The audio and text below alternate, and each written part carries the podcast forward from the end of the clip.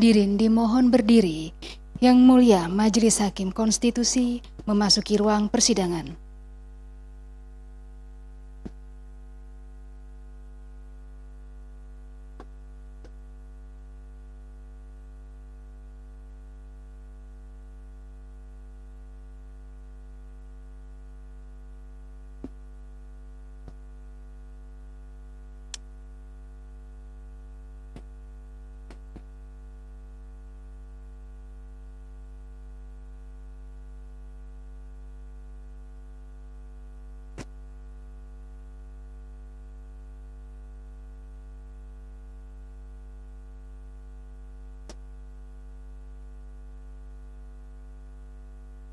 Hadirin disilakan duduk kembali.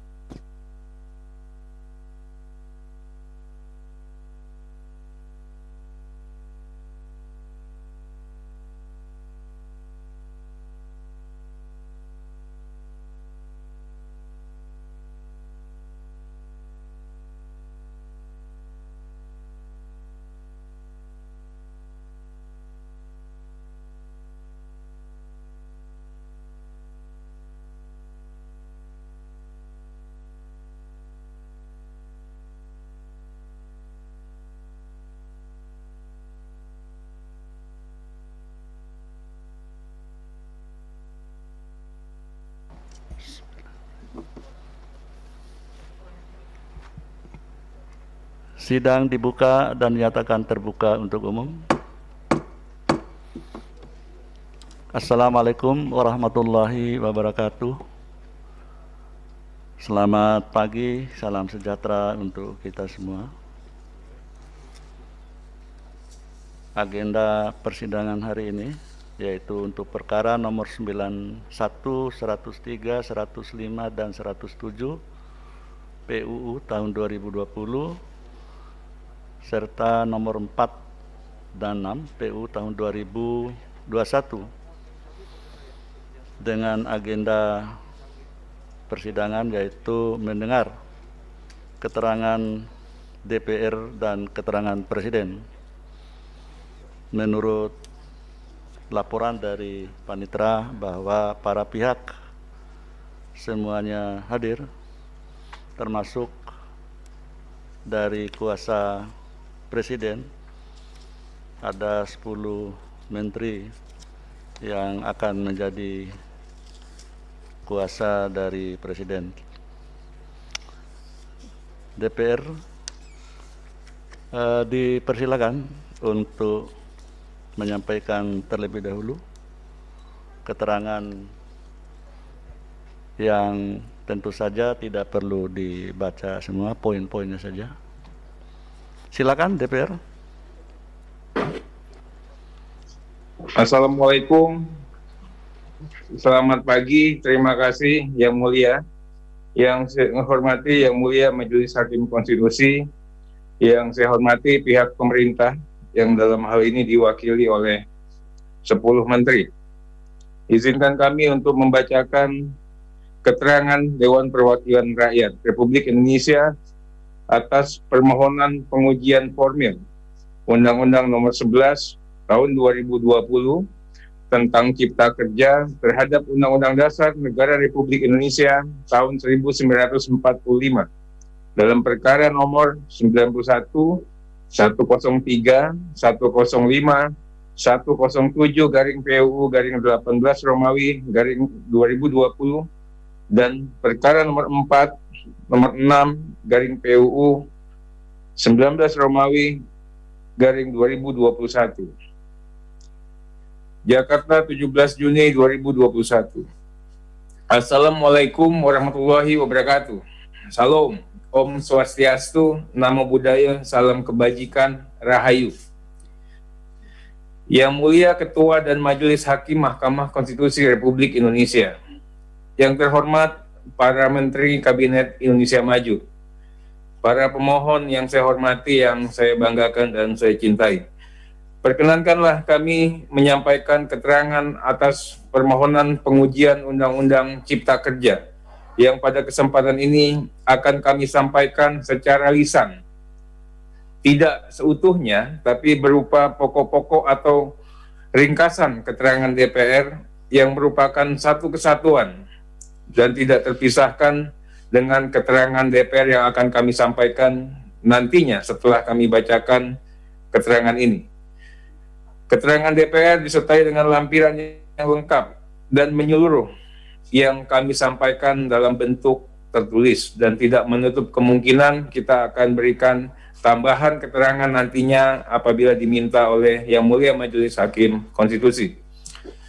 Berdasarkan keputusan pimpinan DPR RI nomor 29 garing PIM, garing 3 garing 2019-2020 Pimpinan DPR RI menguasakan kepada ketua dan anggota Komisi 3 DPR RI yang hadir untuk membacakan keterangan pada hari ini, yaitu saya sendiri, Atria Dahlan, nomor anggota 216. Dalam hari ini, baik secara bersama-sama maupun sendiri-sendiri bertindak untuk dan atas nama Dewan Perwakilan Rakyat Republik Indonesia. Sehubungan dengan surat nomor 111 titik sembilan satu titik satu tiga titik satu lima titik satu tujuh titik empat titik garing PUU garing PAN titik MK garing PS garing 6 garing 2021 tertanggal 10 Juni 2021 dari Mahkamah Konstitusi Republik Indonesia kepada DPR RI untuk menghadiri dan menyampaikan keterangan dalam persidangan di Mahkamah Konstitusi terkait dengan permohonan pengujian formil dan atau material Undang-Undang Nomor 11 Tahun 2020 tentang Cipta Kerja terhadap Undang-Undang Dasar Negara Republik Indonesia tahun 1945 dalam perkara nomor 91, 103, 105, 107, nomor 4 dan nomor 6. Selanjutnya secara keseluruhan para pemohon dalam perkara-perkara aku secara bersama-sama disebut sebagai para pemohon berdasarkan surat panggilan sidang dari Mahkamah Konstitusi bahwa agenda pemeriksaan dalam persidangan ini mendahulukan permohonan pengujian secara formil. Maka di sini DPR akan menyampaikan pokok-pokok keterangan DPR terhadap pengujian formil atas perkara aku tersebut secara ringkas. Yang mulia Ketua dan Majelis Hakim Mahkamah Konstitusi, Pertama, izinkan kami menyampaikan proses pembentukan Undang-Undang Cipta Kerja yang dimohonkan pengujian oleh para pemohon perkara aku perihal pengujian Undang-Undang Cipta Kerja secara formil. Dapat kami sampaikan bahwa para pemohon memohonkan pengujian Undang-Undang Cipta Kerja secara formil dengan dalil yang menyatakan bahwa pada intinya Undang-undang aku sebagai omnibus law bertentangan dengan ketentuan dalam undang-undang pembentukan peraturan perundang-undangan. Undang-undang aku bertentangan dengan asas pembentukan peraturan perundang-undangan. Terdapat perubahan jumlah haraman RU Cipta Kerja pasca persetujuan bersama pembentuk undang-undang. Pembentuk undang-undang tergesa-gesa mengesahkan undang-undang aku tanpa mendengarkan aspirasi dari pemerintah daerah dan DPRD Latar belakang pembahasan undang-undang aku karena desakan dari WTO atau WTO. Pembahasan undang-undang aku tidak melibatkan partisipasi masyarakat. Pembentukan undang-undang aku tidak sesuai dengan tahap-tahap pembentukan undang-undang.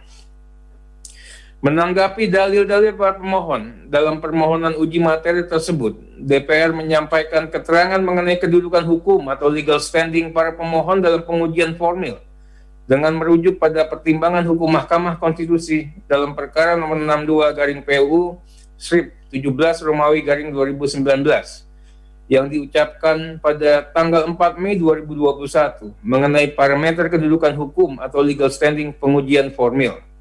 Mahkamah Konstitusi menyatakan ditetapkan syarat legal standing dalam pengujian formil undang-undang yaitu bahwa pemohon mempunyai hubungan pertautan yang langsung dengan undang-undang yang dimohonkan. Terkait kedudukan hukum atau legal standing para pemohon, DPR memberikan pandangan sesuai dengan parameter pengujian formil dalam pertimbangan hukum Mahkamah Konstitusi. Yaitu pada intinya DPR berpandangan bahwa secara keseluruhan para pemohon tidak memiliki kedudukan hukum atau legal standing dalam pengujian formil Undang-Undang Cipta Kerja terhadap Undang-Undang Negara Undang Dasar Negara Republik Indonesia tahun 1945. Karena secara keseluruhan para pemohon tidak memiliki pertautan langsung dengan undang-undang aku. Selain itu, Undang-Undang Cipta Kerja tidak hanya mengatur perubahan dari Undang-Undang Ketenaga Kerjaan saja, melainkan mengatur perubahan 78 undang-undang yang tentunya para pemohon aku harus dapat menguraikan keterkaitannya secara langsung dengan materi muatan perubahan undang-undang yang diatur melalui Undang-Undang Cipta Kerja. DPR memohon kepada Yang Mulia Ketua Majelis Hakim Mahkamah Konstitusi agar benar-benar menilai apakah para pemohon perkara aku memiliki kedudukan hukum atau legal standing dalam pengajuan formil permohonan aku. Yang mulia Ketua dan Majelis Hakim Mahkamah Konstitusi. Selanjutnya, setelah menjelaskan pandangan DPR terhadap kedudukan hukum atau legal standing para pemohon aku, DPR memberikan pandangan umum terlebih dahulu terkait dengan latar belakang filosofis, sosiologis, dan yuridis pembentukan Undang-Undang Cipta Kerja. Berdasarkan konsideran menimbang Undang-Undang Cipta Kerja, dapat kami sampaikan bahwa Cipta Kerja merupakan upaya negara untuk memenuhi hak warga negara atas pekerjaan dan penghidupan yang layak bagi kemanusiaan. Sebagaimana amanat pasal 27 ayat 2 Undang-Undang Dasar Negara Republik Indonesia tahun 1945.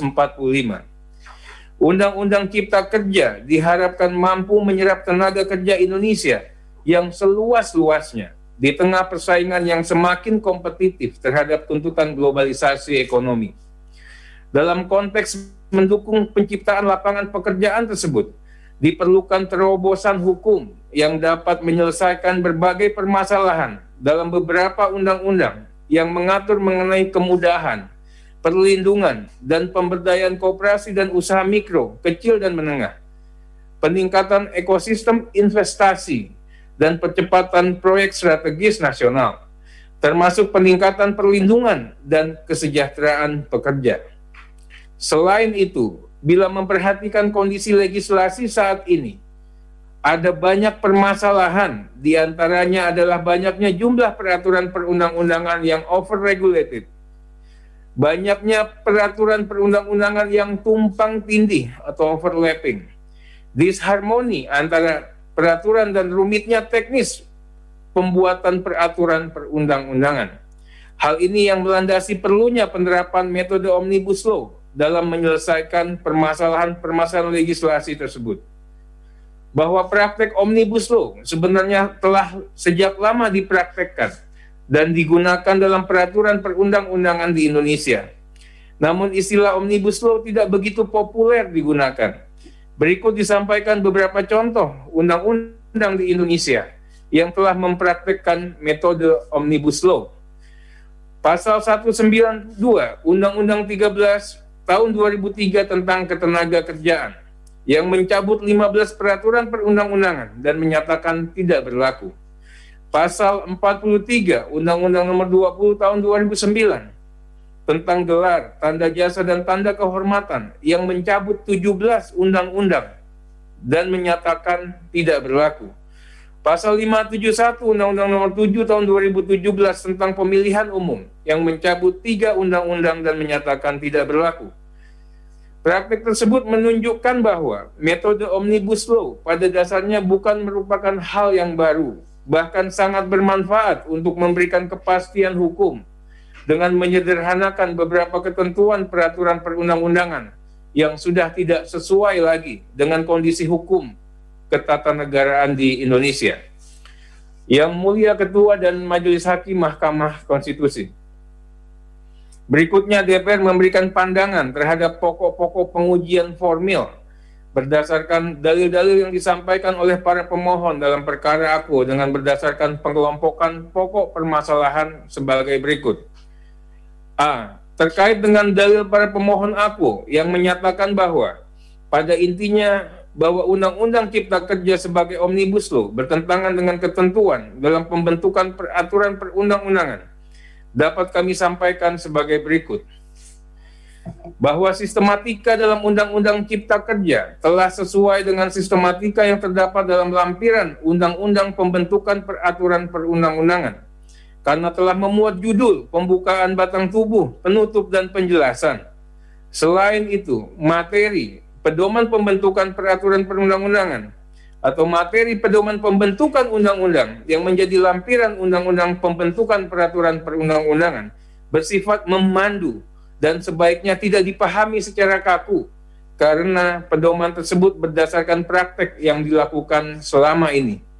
Sehingga format dan proses perancangannya mengikuti kebiasaan yang ada pada saat itu. Oleh karena itu, diperlukan terobosan hukum sehingga terbentuk konvensi dan kebiasaan ketatanegaraan baru.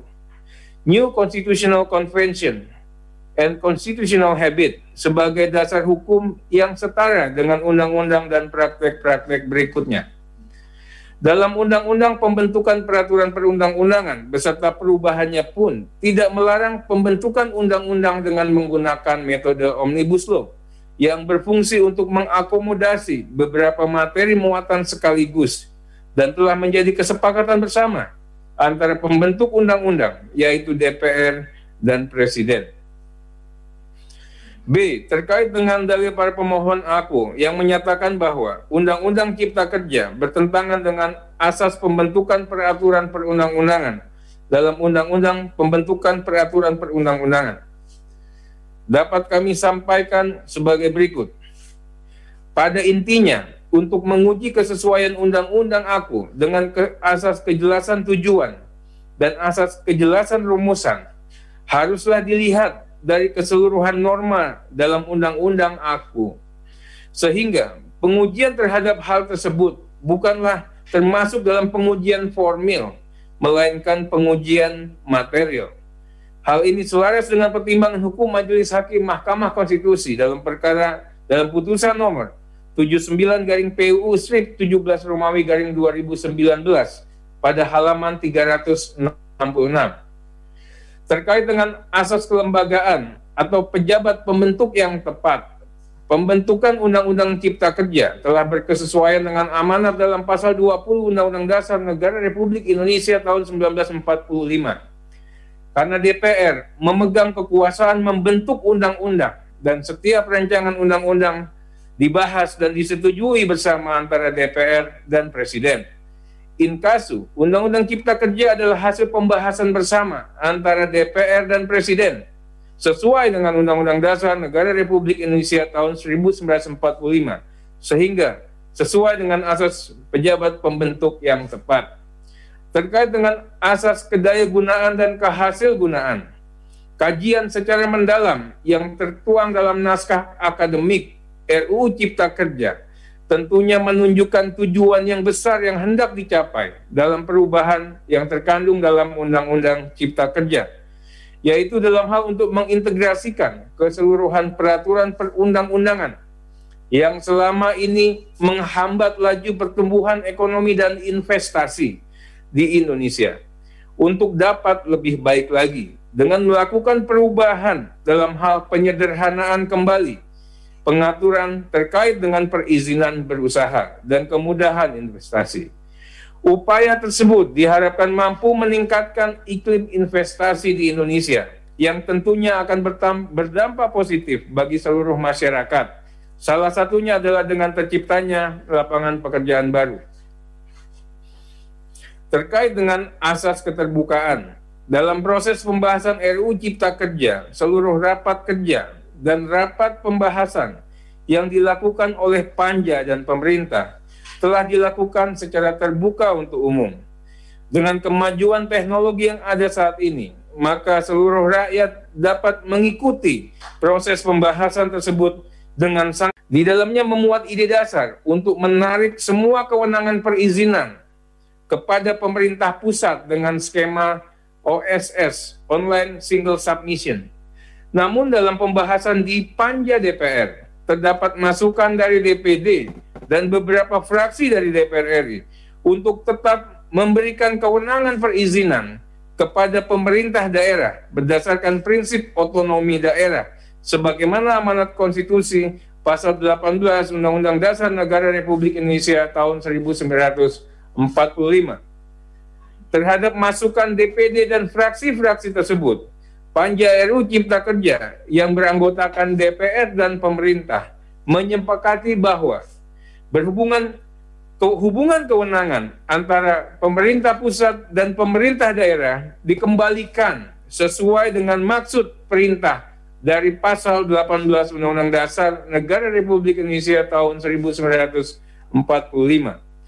Hal ini sebagaimana dilaporkan oleh Wakil Ketua Panja RU Cipta Kerja dalam rapat pengambilan keputusan tingkat pertama atau hasil pembahasan RU Cipta Kerja tanggal 3 Oktober 2020 yang isinya antara lain sebagai berikut. Penataan dan perbaikan sistem perizinan berusaha berdasarkan sistem pemerintahan presidensial sebagaimana dianut dalam Undang-Undang Dasar Negara Republik Indonesia tahun 1945. Pemerintah daerah turut serta dalam mewujudkan keberhasilan cipta kerja. Oleh karena itu, kewenangan pemerintah daerah tetap dipertahankan sesuai dengan asas otonomi daerah dalam bingkai Negara Kesatuan Republik Indonesia pelaksanaan kewenangan pemerintah daerah sesuai dengan norma, standar, prosedur, dan kriteria yang ditetapkan oleh pemerintah pusat. Konsep RBA, Risk Based Approach, menjadi dasar dan menjiwai RUU Cipta Kerja, serta sistem perizinan berusaha berbasiskan elektronik. Selain itu, untuk memperkaya materi pembahasan, DPR telah menerima aspirasi dari Komite Pemantauan Pelaksanaan Otonomi Daerah KPPOD dalam bentuk nota pengantar, background note, dan daftar investasi, inventarisasi masalah atau DIM atas sejumlah klaster isu yang termaktub dalam RUU Cipta Kerja yang ditinjau dari sudut pandang desentralisasi dan otonomi daerah. Sehingga dengan demikian, dalil para pemohon hanyalah berdasarkan asumsi dan tidak sesuai dengan fakta yang sebenarnya. Dari sisi jangka waktu, pembahasan RU Cipta Kerja sudah sesuai dengan pasal 97 ayat 1 Peraturan DPR nomor 2 tahun 2020. Pembahasan RU Cipta Kerja dilakukan dari bulan Februari sampai dengan bulan Oktober tahun 2020 selama 8 bulan sehingga telah memenuhi waktu tiga kali masa sidang. Bahwa waktu pembahasan selama 8 bulan tersebut bukanlah masa yang singkat dalam membahas undang-undang yang kompleks seperti undang-undang aku karena selama masa pembahasan itu pula lah telah dilakukan berbagai rapat dengar pendapat dengan berbagai unsur masyarakat oleh karena itu, pembahasan undang-undang aku tersebut tidaklah tergesa-gesa seperti anggapan para pemohon. Terkait dengan dalil para pemohon yang menyatakan bahwa latar belakang pembahasan Undang-Undang Cipta Kerja karena desakan dari WTO dalam perkara nomor 1097 bahwa Indonesia telah menjadi anggota GATT sejak tahun 1950 dan pada tahun 1994 menjadi negara pendiri WTO bersama 128 negara anggota lain pada akhir putaran Uruguay atau Uruguay Round. Sebagai bentuk pengikatan sebagai negara anggota WTO, Indonesia meratifikasi Agreement Establishing the World Trade Organization melalui Undang-Undang Nomor 7 Tahun 1994 tentang pengesahan agreement establishing the World Trade Organization, persetujuan pembentukan organisasi perdagangan dunia dan meratifikasi perubahannya dalam Undang-Undang Nomor 17 Tahun 2017. Dengan meratifikasi perjanjian internasional tersebut, Indonesia terikat pada hak dan kewajiban pada aturan WTO yang bersifat mengikat seluruh anggota. Terkait dengan sengketa dagang, Indonesia dinyatakan menerapkan kebijakan impor yang tidak sesuai dengan aturan WTO terkait dengan kebijakan impor produk hortikultura, hewan dan produk hewan. Terdapat peraturan yang diajukan konsultasi ke Dispute Settlement Body WTO oleh Selandia Baru dan Amerika Serikat dengan, ini adalah salah satu contoh bahwa peraturan-peraturan nasional harus konsisten dan tidak boleh bertentangan dengan prinsip perdagangan internasional yang telah disepakati bersama tanpa terkecuali. Sejak Februari tahun 2020, DPR juga telah menyusun naskah akademik dan rancangan undang-undang tentang perubahan undang-undang peternakan dan kesehatan hewan yang substansinya terkait penyesuaian prinsip perdagangan dalam WTO ini juga menjadi urgensi di dalam penyusunan RUU tersebut yang untuk efisiensi waktu atas tenggat waktu yang telah melewati batas dan atas situasi darurat pandemi COVID-19 maka perubahan empat undang-undang tersebut telah disusun naskah akademiknya sejak 2019 dan dimasukkan sebagai salah satu materi perubahan dalam Undang-Undang Cipta Kerja. Sehingga materi perubahan empat undang-undang tersebut yang diakomodir dalam Undang-Undang Cipta Kerja merupakan bentuk komitmen Indonesia atas pemenuhan kewajiban sebagai negara anggota sekaligus pendiri WTO. Selain itu, regulasi-regulasi yang turut digugat juga telah disesuaikan, diubah dengan hasil rekomendasi WTO terkait dengan dalil para pemohon yang menyatakan bahwa pembahasan undang-undang aku tidak melibatkan partisipasi masyarakat dapat kami sampaikan sebagai berikut. Terkait dengan dalil para pemohon, perkara aku yang menyatakan bahwa proses pembahasan undang-undang cipta kerja tidak melibatkan partisipasi masyarakat. DPR menerangkan bahwa berdasarkan pasal 12 Peraturan DPR nomor 2 tahun 2020 yang mengatur bahwa Badan Legislasi melakukan kunjungan kerja untuk menyerap aspirasi masyarakat sebelum dilakukan pembahasan rancangan prolegnas.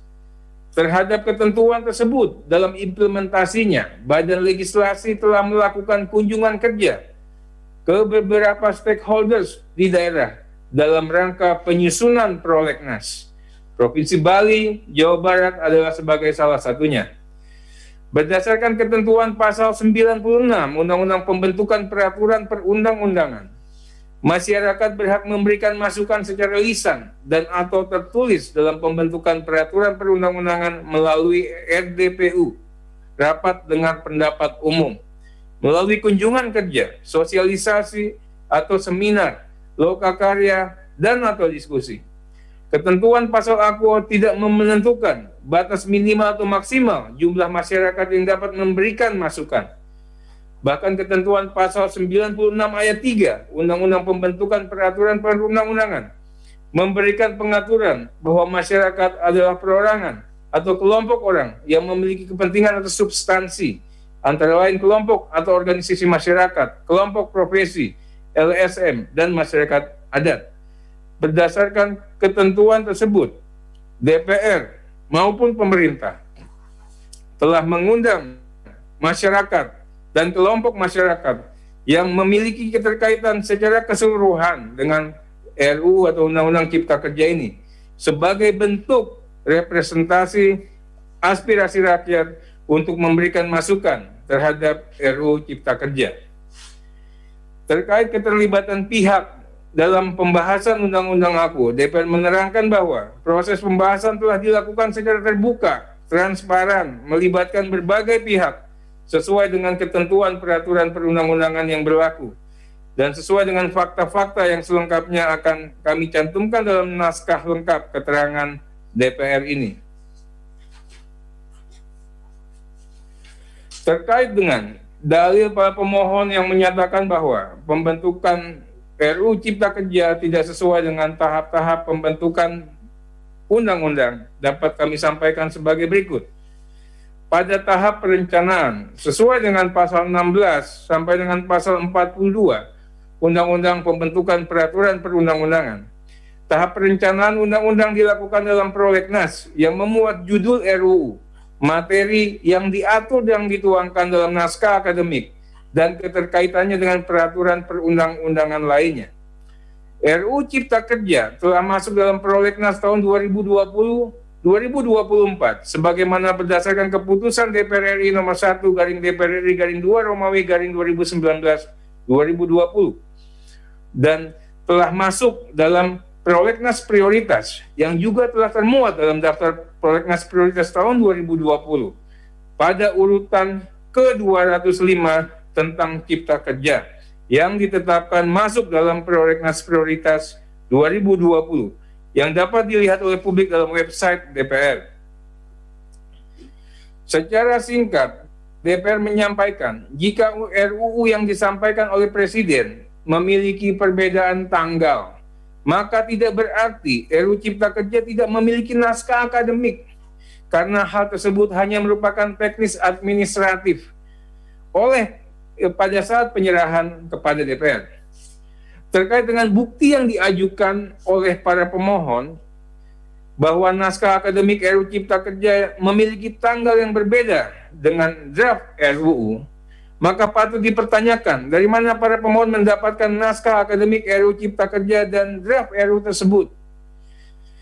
Terkait dari para pemohon yang menyatakan bahwa naskah akademik Undang-Undang Cipta Kerja tidak memadai karena tidak menjabarkan secara komprehensif terhadap hal ini, DPR memberikan pandangan yang pada intinya bahwa terlebih dahulu para pemohon harus menerangkan naskah akademik yang seperti apa yang dianggap pemohon memadai. Dalam Undang-Undang Pembentukan Peraturan Perundang-Undangan diatur bahwa materi dalam RUU yang diajukan dalam prolegnas maupun prolegda telah melalui pengkajian dan penyelarasan dituangkan dalam naskah akademik yang dilakukan sesuai dengan teknik penyusunan naskah akademik sebagaimana tercantum dalam lampiran 1 Undang-Undang Pembentukan Peraturan Perundang-undangan. Adapun dalam proses pembahasannya, jika dalam suatu perubahan yang menjadikan naskah akademik tidak lagi sesuai dengan pembahasan yang dilakukan oleh pembentuk undang-undang, hal ini tentu tidak menjadi permasalahan karena naskah akademik pada dasarnya hanya academic reasoning dan research atas kebijakan yang dituangkan dalam suatu rancangan undang-undang bahwa naskah akademik dan RUU Cipta Kerja telah dipersiapkan oleh pemerintah sebagai acuan dan referensi dalam pembahasan RUU Cipta Kerja. Adapun jika para pemohon beranggapan terdapat materi dalam undang-undang APO yang tidak termuat dalam naskah akademik dan RUU Cipta Kerja, hal tersebut tidak serta-merta menyebabkan naskah akademik tersebut tidak memadai dan undang-undang aku menjadi inkonstitusional. Selain itu, perubahan norma dalam RUU Cipta Kerja merupakan pilihan politik hukum pembentuk undang-undang selama proses pembahasan RUU tersebut. Keterangan tersebut selaras dengan pertimbangan hukum majelis hakim Mahkamah Konstitusi dalam putusan perkara nomor 73 garing PU Strip 12 Romawi garing 2014. RU Cipta Kerja yang merupakan usulan pemerintah, pembahasannya dimulai dengan adanya surat Presiden nomor R strip 6 garing pres garing 2 garing 2020 tertanggal 7 Februari 2020 kepada pimpinan DPR di mana dalam surat tersebut menugaskan beberapa menteri untuk mewakili pemerintah dan melampirkan draft RUU Cipta Kerja untuk dibahas di DPR yang sudah sesuai dengan pasal 88 Perpres 87 garing 2014. Oleh karena itu, dalil para pemohon yang menyatakan tahap perencanaan dimulainya sejak adanya surat presiden adalah salah karena tidak ada tahap perencanaan pembentukan undang-undang yang dilanggar terhadap dalil para pemohon yang menyatakan bahwa tahapan perencanaan dan penyusunan naskah akademik dan draft RUU tidak melalui pelibatan publik yang luas dan hanya melibatkan segelintir pihak saja. DPR memberikan pandangan bahwa dalam menyusun naskah akademik dan draft RUU tidak mungkin dapat mengundang semua pihak. Tentu saja pihak yang diundang terbatas, akan tetapi pastinya mewakili substansi yang akan diatur Pemilihan pihak yang terlibat tentu mewakili stakeholder terkait dengan materi atau substansi dalam RUU tersebut. Selain itu, dalam pembuatan naskah akademik, dan draft RUU. Banyak sekali dinamika yang terjadi. Oleh karena itu, naskah akademik dan draft RUU yang diterima oleh setiap stakeholder bisa saja berbeda waktu dan tentu akan berbeda pula substansinya. Tahap penyusunan akademik dan draft RUU aku. Setelah tahap perencanaan, selanjutnya dilakukan tahap penyusunan naskah akademik dan draft RUU aku bahwa terkait dengan detail proses penyusunan naskah akademik dan draft RUU Cipta Kerja, maka DPR mempersilahkan dari pihak pemerintah atau presiden untuk menjelaskan setiap proses penyusunannya dalam permohonan aku. Karena pemerintah atau presiden adalah pihak pengusul Undang-Undang Cipta Kerja. Yang mulia Ketua dan Majelis Hakim Mahkamah Konstitusi, tahap pembahasan RUU. Selanjutnya, DPR akan memberikan keterangan terkait dengan tahap pembahasan RUU aku yang terbagi dalam pembicaraan tingkat pertama dan pembicaraan tingkat kedua. Sesuai dengan pasal 149 Tata Tertib DPR, proses pembahasan RUU Cipta Kerja dalam pembicaraan tingkat pertama telah dilakukan oleh Badan Legislasi dengan seluruh kegiatan berupa pengantar musyawarah, pembahasan DIM, penyampaian pendapat mini sebagai sikap akhir, dan pengambilan keputusan. Dalam proses penyusunan DIM, DPR telah melakukan rapat dengan pendapat umum, melakukan kunjungan kerja, melakukan sosialisasi, dan juga seminar atau berdiskusi dengan pihak-pihak yang terkait agar aspirasi masyarakat dapat terakomodir dengan kehadiran Undang-Undang Cipta Kerja tersebut. DIM yang telah tersusun dilakukan uji publik oleh Balik dengan membuka ruang partisipasi publik secara luas dengan mengundang berbagai stakeholder dan para narasumber yang ada agar dapat memberikan saran dan masukan terhadap RUU Cipta Kerja. Hal ini sesuai dengan kesepakatan dalam rapat balik pada tanggal 7 April 2020. Dalam kegiatan uji publik tersebut, Balik telah melakukan RDP atau RDPU dengan sejumlah stakeholder terkait, yaitu sejumlah pakar, sejumlah akademisi, antara lain Profesor Gisman Simanjuntak, Profesor Dr. Satya Arinanto, Profesor apa Dr. Bambang Kusowo, Kesowo, dan beberapa pakar dan akademisi lain yang tidak dapat disebutkan karena begitu banyaknya. Beberapa lembaga pendidikan, antara lain Universitas Indonesia, Universitas Gajah Mada, Asosiasi-Asosiasi Aliansi Jurnalis, Walhi Kadin, PBNU, PP Muhammadiyah, KPPU, dan beberapa kementerian lembaga serta organisasi masa lainnya. Setelah melakukan uji publik, panitia kerja balik mulai melakukan rapat-rapat pembahasan dengan pemerintah yang diselenggarakan mulai dari tanggal 20 Mei 2020 hingga tanggal 25 September 2020. Kemudian tanggal 3 Oktober 2020 telah dilaksanakan rapat kerja Badan Legislasi dengan pemerintah dan Dewan Perwakilan Daerah RI dengan agenda pengambilan keputusan pembicaraan tingkat pertama atas RUU tentang Cipta Kerja yang dipimpin oleh Dr. Supratman Andi Adga sebagai Ketua Badan Legislasi DPR RI.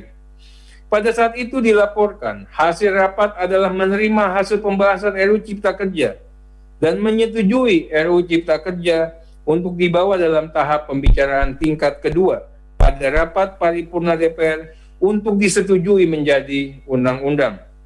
Seluruh rapat dalam proses pembahasan Undang-Undang Cipta Kerja telah dilakukan secara sangat terbuka dan terbuka untuk umum melalui TV parlemen yang menyiarkan secara langsung rapat pembahasan tersebut ataupun melalui kanal YouTube yang masih dapat diakses hingga saat ini dan berbagai media sosial lainnya agar masyarakat dapat turut serta memantau proses pembahasan Undang-Undang Cipta Kerja tersebut.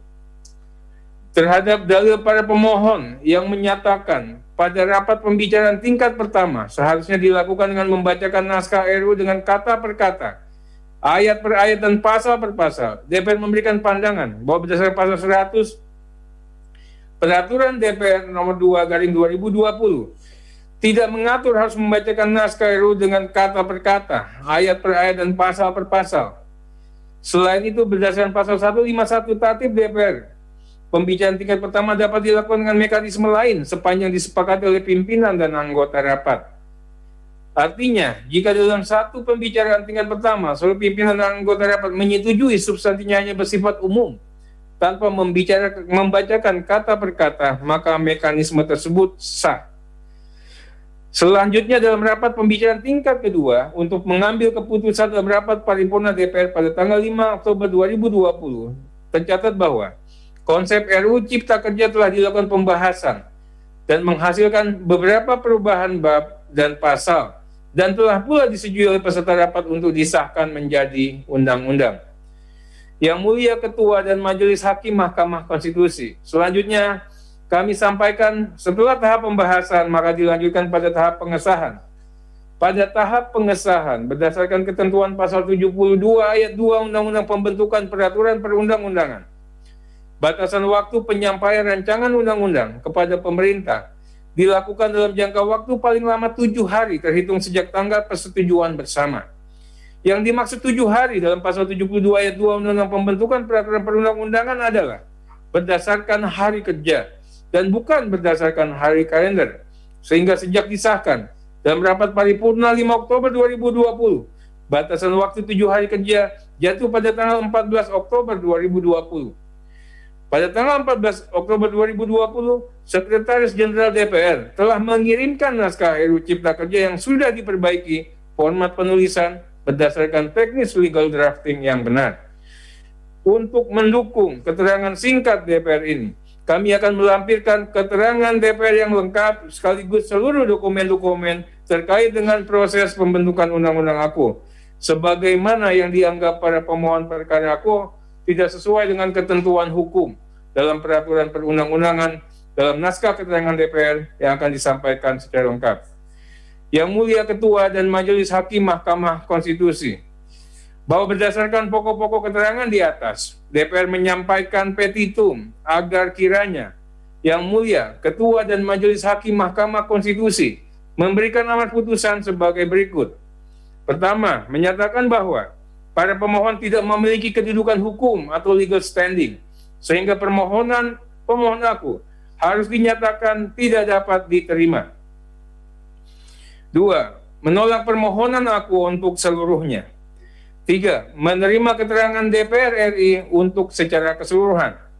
Empat, menyatakan bahwa proses pembentukan Undang-Undang Cipta Kerja telah sesuai dengan Undang-Undang Dasar Negara Republik Indonesia tahun 1945 dan telah memenuhi ketentuan pembentukan peraturan perundang-undangan sebagaimana yang diatur dalam Undang-Undang Nomor 12 Tahun 2011 tentang pembentukan peraturan perundang-undangan sebagaimana diubah dengan Undang-Undang Nomor 15 Tahun 2019. 5. Memerintahkan pemuatan putusan ini dalam Berita Negara Republik Indonesia sebagai mestinya. Atau apabila yang mulia Majelis Hakim Mahkamah Konstitusi berpendapat lain, mohon putusan yang seadil-adilnya. Yang mulia Ketua dan Majelis Hakim Konstitusi, demikian kami sampaikan atas perhatian dan perkenan yang mulia Ketua dan anggota Majelis Hakim Konstitusi, kami ucapkan terima kasih. Hormat kami, tim kuasa DPR RI, Atria Dahlan. Wassalamualaikum warahmatullahi wabarakatuh. Salam, Om Swastiastu, Namo Buddhaya, Salam kebajikan. Rahayu. Baik. Terima kasih Pak Arteria. Lanjut ke kuasa presiden. Silakan siapa yang akan menjadi juru bicara. Terima kasih yang mulia. Assalamualaikum warahmatullahi wabarakatuh. Salam sejahtera untuk kita semua. Yang kami hormati Yang Mulia Ketua dan Majelis Hakim Mahkamah Konstitusi, Pak Arteria Dahlan yang mewakili DPR RI, para pemohon, pada persidangan secara daring hari ini pihak pemerintah yang hadir selaku kuasa presiden yaitu saya sendiri Erlangga Hartarto, Menteri Koordinator Bidang Perekonomian, yang juga akan membacakan keterangan pendahuluan Bapak Presiden. Juga hadir Bapak Yasona Lauli, Menteri Hukum dan Hak Asasi Manusia, Ibu Ida Fauziah, Menteri Ketenagakerjaan, Ibu Sri Mulyani Indrawati, Menteri Keuangan, Bapak Arifin Tasrif, Menteri Energi dan Sumber Daya Mineral, Bapak Muhammad Basuki Hadi Mulyono, Menteri Pekerjaan Umum dan Perumahan Rakyat, Bapak Sofyan Jalil, Menteri Agraria dan Tata Ruang, Kepala Badan Pertanahan Nasional, Ibu Siti Nurbaya, Menteri Lingkungan Hidup dan Kehutanan, Bapak Budi Karya Sumadi, Menteri Perhubungan, juga turut hadir melalui video conference Bapak Muhammad Mahfud MD, Menteri Koordinator Bidang Politik, Hukum, dan Keamanan, dan didampingi oleh penerima kuasa substitusi, yaitu Saudara Ellen Steyadi, staf ahli bidang regulasi penegakan hukum di Kantor Kementerian Perekonomian, Saudara Widodo Eka Cahyana, Dirjen Peraturan Perundang-undangan Kementerian Hukum dan HAM, Saudara Anwar Sanusi, Sekretaris Jenderal Kementerian Ketenagakerjaan, dan Saudara Heru Pambudi, Sekretaris Jenderal Kementerian Keuangan. Dan juga pejabat uh, eselon 1 dari kementerian lembaga terkait yang hadir melalui video.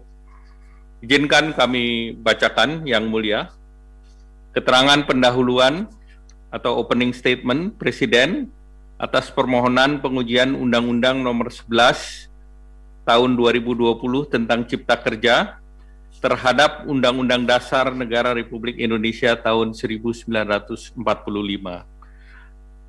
Yang Mulia Ketua dan Majelis Hakim Mahkamah Konstitusi, eh, perkenankan eh, kami bacakan sehubungan dengan adanya enam permohonan pengujian Undang-Undang Nomor 11 tahun 2020 tentang Cipta Kerja, selanjutnya disebut Undang-Undang Cipta Kerja, terhadap Undang-Undang Dasar Negara Republik Indonesia tahun 1945, selanjutnya disebut UUD 1945, yang terregistrasi dalam perkara nomor 91 PUU Romawi 18 garing 2020, nomor 103 garing PUU Romawi 18 garing 2020, nomor 105 garing PUU Romawi 18 garing 2020 nomor 107 garing PUU Romawi 18 garing 2020 nomor 4 garing PUU Romawi 19 2021 dan nomor 6 garing PUU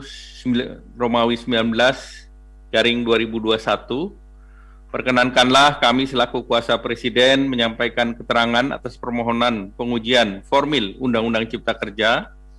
Pada kesempatan ini yang akan kami sampaikan secara lisan adalah produk-produk atau ringkasan keterangan Presiden yang merupakan satu kesatuan yang utuh, tidak terpisahkan dari keterangan Presiden yang lengkap dan menyeluruh yang kami sampaikan dalam bentuk tertulis. Yang mulia dan Majelis Hakim Mahkamah Konstitusi.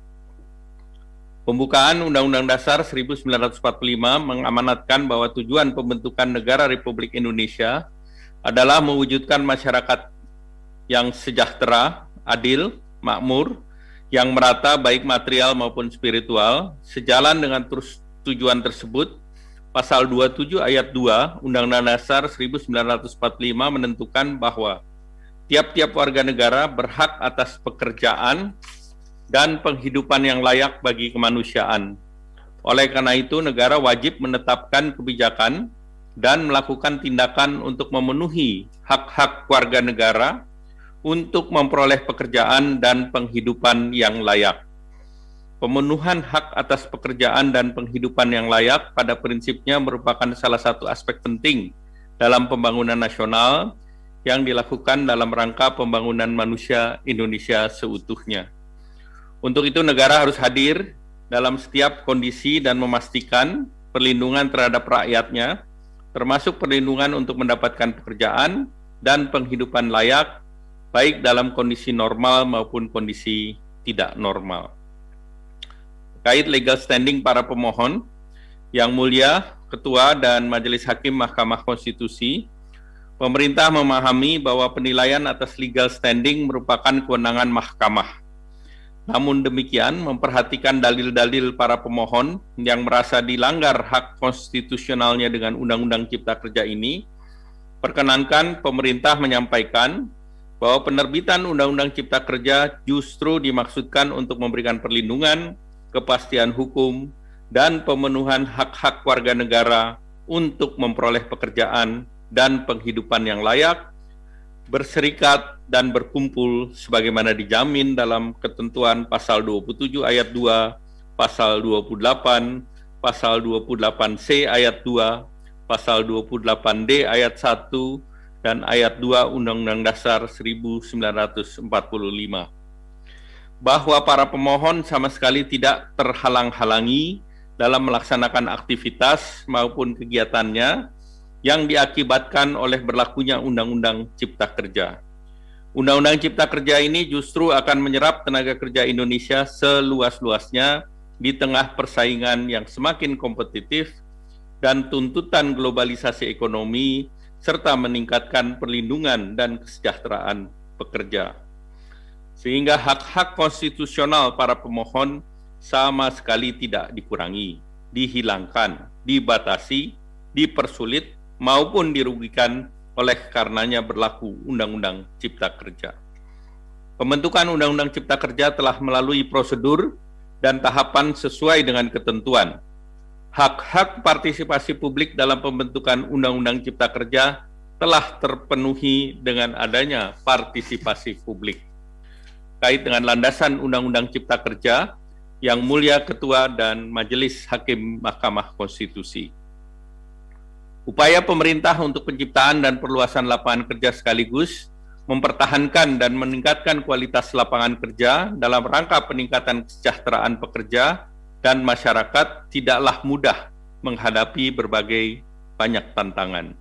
Pada saat RUU Cipta Kerja disusun, kita menghadapi beberapa tantangan yang menjadi hambatan kita dalam melakukan transformasi ekonomi sehingga belum optimal dalam menciptakan lapangan kerja. Berdasarkan data BPS per Agustus 2019, dari jumlah 133,56 juta angkatan kerja, 89,96 juta orang bekerja penuh, sedangkan 28,41 juta orang bekerja paruh waktu, 8,14 juta orang setengah penganggur, dan 7,05 juta orang pengangguran. Dengan demikian terdapat 43,5 juta orang yang tidak bekerja penuh atau 32,6 persen dari angkatan kerja, sedangkan jumlah penduduk yang bekerja pada kegiatan informal sebanyak 70,49 juta orang atau 55,72 persen dari total penduduk yang bekerja. Kita juga dihadapkan dengan masih rendahnya produktivitas tenaga kerja.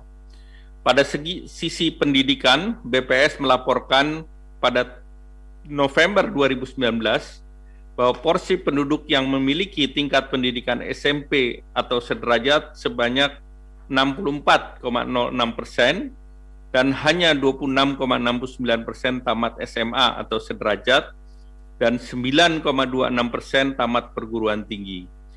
Hal ini memerlukan upaya yang khusus untuk menciptakan lapangan kerja yang dapat menampung kondisi tersebut.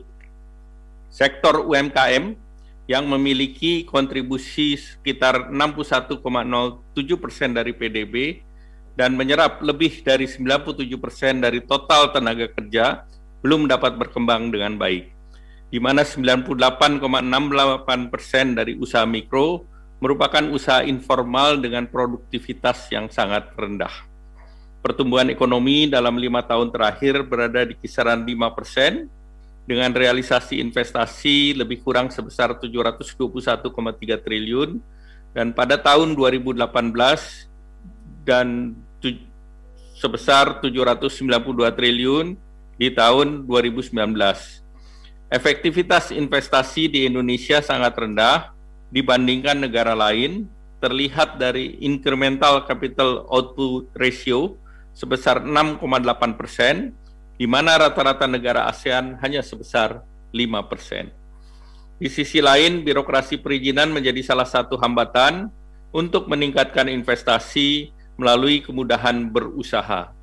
Hal ini tercermin dari laporan kemudahan berusaha atau ease of doing business yang dilakukan oleh Bank Dunia terhadap 190 negara termasuk Indonesia, di mana kemudahan berusaha Indonesia pada tahun 2015 berada pada peringkat 114 dan kemudian meningkat secara terus-menerus hingga tahun 2019 mencapai peringkat 73. Meskipun meningkat, peringkat Indonesia masih jauh di bawah negara ASEAN lainnya, seperti tahun 2019 Singapura di peringkat kedua, Malaysia peringkat 15, dan Thailand peringkat 27. Dari sisi daya saing berdasarkan Global Competitiveness Index pada tahun 2019, Indonesia berada pada peringkat 50, sementara Singapura di peringkat pertama, Malaysia peringkat 27, dan Thailand di peringkat 40. Bahkan dari sisi digitalisasi, daya saing bisnis digital Indonesia pada tahun 2019 berada pada peringkat 56, sementara Malaysia di peringkat 26. Sehingga diperlukan adanya upaya reformasi regulasi yang bisa memberikan kemudahan berusaha dalam rangka meningkatkan investasi. Indonesia perlu perlu keluar dari jebakan middle income trap karena akan berdaya saing lemah. Dari pengalaman negara yang sukses, kontribusi daya saing tenaga kerja dan produktivitas menjadi andalan untuk keluar dari middle income trap. Upaya untuk mengatasi tantangan dan hambatan tersebut memerlukan basis regulasi yang kuat dalam bentuk undang-undang yang sekaligus memerlukan adanya perubahan dan penyempurnaan berbagai undang-undang yang ada terkait dengan penciptaan lapangan kerja. Perubahan undang-undang tersebut tidak dapat dilakukan melalui cara konvensional dengan cara mengubah satu persatu undang-undang, oleh karena itu diperlukan terobosan hukum yang dapat menyelesaikan berbagai permasalahan dalam berbagai undang-undang dalam satu undang-undang yang komprehensif. Untuk itu Presiden Joko Widodo dalam pidato kenegaraan pada tanggal 20 Oktober 2019 menyampaikan antara lain menyederhanakan segala bentuk kendala regulasi dan mengajak DPR untuk menerbitkan Undang-Undang Cipta Kerja yang akan menjadi omnibus law untuk merevisi beberapa undang-undang yang menghambat penciptaan lapangan kerja dan pengembangan UMKM. Penggunaan metode Omnibus Law dalam penyiapan penyusunan RUU Cipta Kerja adalah dengan memperhatikan muatan dan substansi undang-undang yang harus diubah mencapai 78 undang-undang yang harus dilakukan dalam satu kesatuan substansi pengaturan untuk mencapai tujuan cipta kerja secara optimal. Adapun penyusunan dan proses pembentukan Undang-Undang Cipta Kerja mengikuti dan sepenuhnya sesuai dengan ketentuan yang diatur di dalam Undang-Undang 12 tahun 2011. Dengan pelaksanaan Undang-Undang Cipta Kerja akan dapat mencapai tujuan pembentukannya, yaitu pertama, penciptaan dan peningkatan lapangan kerja dengan memberikan kemudahan, perlindungan, pemberdayaan terhadap sektor koperasi dan UMKM, serta industri dan perdagangan nasional sebagai upaya untuk dapat menyerap tenaga kerja Indonesia yang seluas-luasnya dengan tetap memperhatikan keseimbangan dan kemajuan antar daerah dalam kesatuan ekonomi nasional. Kedua, terjaminnya hak setiap warga negara untuk memperoleh pekerjaan serta mendapat imbalan dan perlakuan yang adil dan layak dalam hubungan kerja.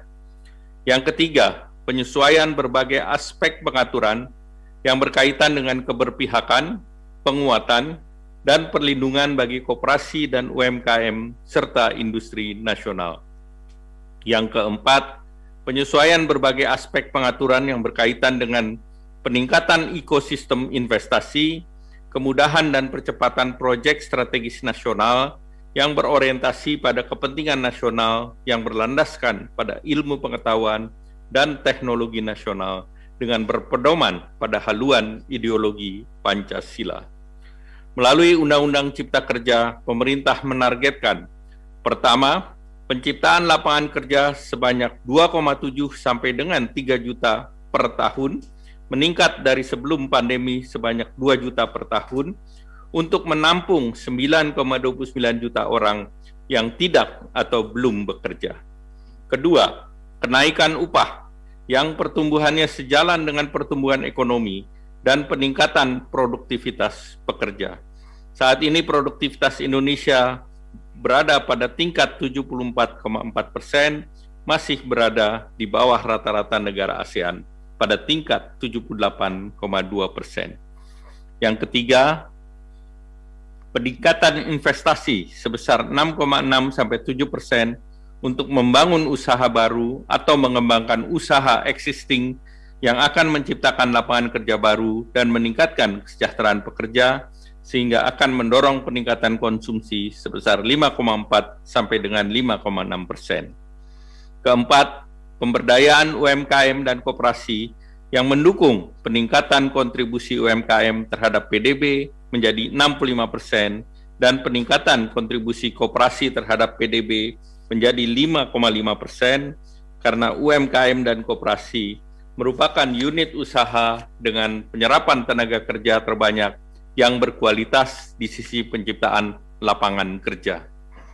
Dengan terciptanya kondisi pertumbuhan ekonomi dan produktivitas yang tinggi melalui penciptaan lapangan kerja yang berkualitas, maka diharapkan dapat mencapai target Indonesia untuk masuk ke dalam lima besar ekonomi dunia di tahun 2045 dengan produk domestik bruto sebesar 7 triliun US dollar dengan pendapatan per kapita sebesar 27 juta per bulan. Terkait pengujian formil Undang-Undang Cipta Kerja, Yang Mulia Ketua dan Majelis Hakim Mahkamah Konstitusi memperhatikan bahwa enam permohonan ini pemerintah memberikan keterangan berdasarkan pengelompokan permasalahan yang dikemukakan oleh para pemohon, yaitu yang pertama proses pembentukan Undang-Undang Cipta Kerja yang tidak sejalan dengan konstitusi dan tidak sesuai dengan prosedur pembentukan perundang-undangan. Yang kedua, pembentukan Undang-Undang Cipta Kerja tidak melibatkan partisipasi publik dan stakeholder. Yang ketiga, terjadi pelanggaran asas-asas pembentukan peraturan perundang-undangan yang baik. Proses pembentukan Undang-Undang Cipta Kerja tidak sejalan dengan konstitusi dan tidak sesuai dengan prosedur pembentukan peraturan perundang-undangan. Yang Mulia Ketua dan Majelis Hakim Konstitusi. Pemerintah tidak sependapat dengan para pemohon karena Undang-Undang Cipta Kerja telah melalui tahapan pembentukan peraturan perundang-undangan sebagaimana ditentukan dalam Undang-Undang 12 2011 yang terdiri dari tahapan sebagai berikut. Pertama, tahap perencanaan. Pemerintah menyusun naskah akademik dan draft RUU Cipta Kerja yang telah diselaraskan oleh Badan Pembinaan Hukum Nasional, Kementerian Hukum dan Hak Asasi Manusia. RUU Cipta Kerja yang diajukan kepada DPR telah disepakati dalam rapat de paripurna DPR untuk masuk dalam program legislasi nasional jangka menengah 2020-2024 dan ditetapkan dengan surat keputusan DPR RI nomor 46 garing DPR garing RI garing 1 garing 2019-2020. Selanjutnya rapat paripurna penyusunan prolegnas prioritas tahun 2020 pada tanggal 22 Januari 2020 telah menyetujui RUU Cipta Kerja masuk dalam prolegnas prioritas tahun 2020 dan ditetapkan dengan surat keputusan DPR RI nomor 1 garing DPR RI garing 2 garing 2019 2020. Kedua, tahap penyusunan. Presiden melalui surat nomor R06 garing pres garing 02 garing 2020 tanggal 7 Februari 2020 kepada Ketua DPR RI menyampaikan RUU Cipta Kerja yang telah disusun berdasarkan kajian yang tertuang dalam naskah akademik untuk dibahas dalam sidang DPR RI guna mendapatkan persetujuan dengan prioritas utama dan menunjuk beberapa menteri yang mewakili Presiden dalam pembahasan dengan DPR RI. Ketiga, tahap pembahasan dan pengesahan yang meliputi pembicaraan tingkat satu dan pembicaraan tingkat dua. Dalam pembicaraan tingkat satu, DPR melalui panitia kerja dan badan legislasi pembahasan RUU Cipta Kerja atau PANJA telah melakukan serangkaian rapat yang dimulai pada tanggal 14 April sampai dengan rapat pengambilan keputusan pada pembicaraan tingkat 1 pada tanggal 3 Oktober 2020. Pembahasan RUU Cipta Kerja dalam panja yang bersifat terbuka untuk umum selain dapat dihadiri secara fisik oleh masyarakat dengan protokol kesehatan dan juga dapat diakses melalui media elektronik seperti kanal TV Parlemen dan YouTube. Dalam pembicaraan tingkat dua telah dilakukan rapat paripurna DPR RI dalam rangka pengambilan keputusan terhadap RUU Cipta Kerja menjadi Undang-Undang Cipta Kerja pada tanggal 5 Oktober 2020, di mana fraksi PDIP, fraksi Golkar, fraksi Gerindra, fraksi Nasdem, fraksi PKB, fraksi PAN, dan fraksi P3 menyatakan menerima dan setuju atas RUU Cipta Kerja menjadi Undang-Undang Cipta Kerja dan fraksi Demokrat serta fraksi PKS menolak RUU Cipta Kerja. Keempat, tahap pengesahan. Ketua DPR RI melalui surat nomor LG garing 12046 garing DPR RI garing 10 garing 2020 tanggal 5 Oktober 2020 menyampaikan kepada Presiden RUU Cipta Kerja yang telah mendapatkan persetujuan bersama untuk mendapatkan pengesahan. Kemudian berdasarkan ketentuan pasal 73 ayat 1 Undang-Undang 12 garing 2011, Presiden telah melakukan pengesahan Undang-Undang Cipta Kerja pada tanggal 2 November 2020.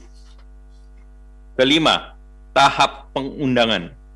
Undang-Undang Cipta Kerja yang telah disahkan pada tanggal 2 November 2020 kemudian dilakukan pengundangan dalam lembaran negara Republik Indonesia nomor 245 tahun 2020 dan tambahan Lembaga Negara Republik Indonesia nomor 6573 tahun 2020 dan tahun 2 November pada tanggal 2 November 2020. Keenam, tahap penyebar luasan. Pemerintah telah melakukan penyebar luasan Undang-Undang Cipta Kerja baik melalui kegiatan sosialisasi maupun pemuatan dalam situs website berbagai kementerian, pemerintah juga telah melakukan sosialisasi Undang-Undang Cipta Kerja di berbagai kota, yaitu Jakarta, Palembang, Bali, Surabaya, Banjarmasin, Manado, Medan, Yogyakarta, Makassar, Pontianak, Semarang, Bandung, Lombok, Ternate, dan Batam. Berdasarkan fakta dan penjelasan di atas, maka dalil para pemohon yang menyatakan pembentukan Undang-Undang Cipta Kerja tidak sejalan dengan konstitusi sebagaimana diatur dalam pasal 20 ayat 2, pasal 22A Undang-Undang Dasar 1945 dan tidak sesuai dengan prosedur pembentukan peraturan perundang-undangan yang diatur dalam Undang-Undang 12 garing 2011 dan Undang-Undang 17 garing 2014 merupakan dalil yang tidak terbukti, tidak beralasan, dan tidak berdasar atas hukum. Terkait pembentukan Undang-Undang Cipta Kerja yang tidak melibatkan partisipasi publik dan stakeholder, yang mulia Ketua dan Majelis Hakim Mahkamah Konstitusi, pemerintah tidak sependapat dengan para pemohon dan memberikan keterangan sebagai berikut. Bahwa mulai tahap perencanaan, hingga tahap penyebarluasan Undang-Undang Cipta Kerja. Pemerintah dan DPR selalu melibatkan partisipasi masyarakat. Transparansi informasi pembahasan antara pemerintah dan DPR dalam bentuk video dapat dengan mudah diakses antara lain melalui TV, parlemen, dan platform YouTube. Di mana pada saat pembahasan panja disiarkan secara langsung pada setiap tahap pembahasan dalam pelaksanaan pemenuhan partisipasi publik sebagaimana diatur dalam pasal 9 Undang-Undang 12 garing 2011, pemerintah membuka ruang untuk menerima masukan masyarakat, akademisi, dan para stakeholder pada setiap tahapan pemenuhan pembentukan Undang-Undang Cipta Kerja yang dapat diuraikan sebagai berikut. Pertama, dalam tahap perencanaan, pemerintah telah melakukan fokus group discussion penyusunan naskah akademik, dan RUU yang dihadiri unsur pemerintah, perbankan, akademisi, praktisi, lembaga masyarakat, serta pimpinan serikat pekerja atau serikat buruh. Kedua, dalam tahap penyusunan pembahasan, pemerintah telah melakukan serangkaian konsultasi publik, forum uji publik, sosialisasi, seminar, rapat dan pertemuan ilmiah yang mencakup antara lain substansi ketenaga kerjaan yang dihadiri unsur serikat pekerja atau serikat buruh, pengusaha, dan lembaga pemerintah, pemerintah daerah dengan asosiasi pemerintahan antara lain Asosiasi Pemerintah Kabupaten seluruh Indonesia APKASI, kebijakan agraria dengan berbagai perguruan tinggi. Selain itu, pemerintah juga menghadiri berbagai undangan dari publik dalam rangka membuka ruang diskusi dan pemenuhan hak publik untuk mendapatkan informasi terkait RUU Cipta Kerja. Antara lain Badan Pembinaan Ideologi Pancasila, Joko Sutono Research Center, Fakultas Hukum Universitas Indonesia, Komite Nasional Pemuda Indonesia, UID Syarif Hidayatullah, Fakultas Hukum Universitas Trisakti. Selain itu, pemerintah juga hadir dalam berbagai dialog mengenai RUU Cipta Kerja yang dilakukan oleh media televisi. Dengan demikian dapat disampaikan bahwa pembentukan Undang-Undang Cipta Kerja telah melibatkan partisipasi publik dan stakeholder sesuai dengan ketentuan pasal 88 dan pasal 96 Undang-Undang 12 garing 2011. Bahwa demikian terhadap dalil pemohon yang menyatakan bahwa pembentukan Undang-Undang Cipta Kerja tidak melibatkan partisipasi publik dan stakeholder terkait adalah tidak terbukti, tidak beralasan, dan tidak berdasar atas hukum.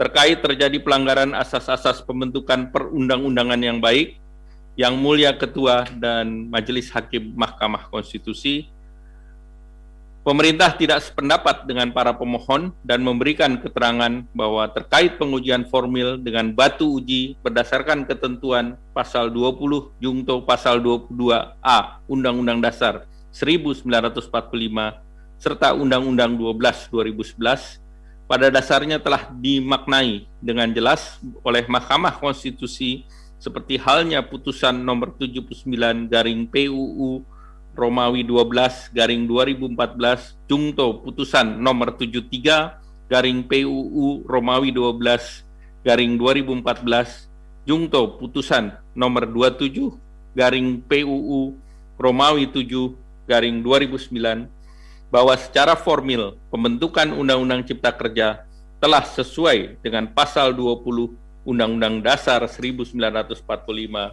dan Undang-Undang 12 2011.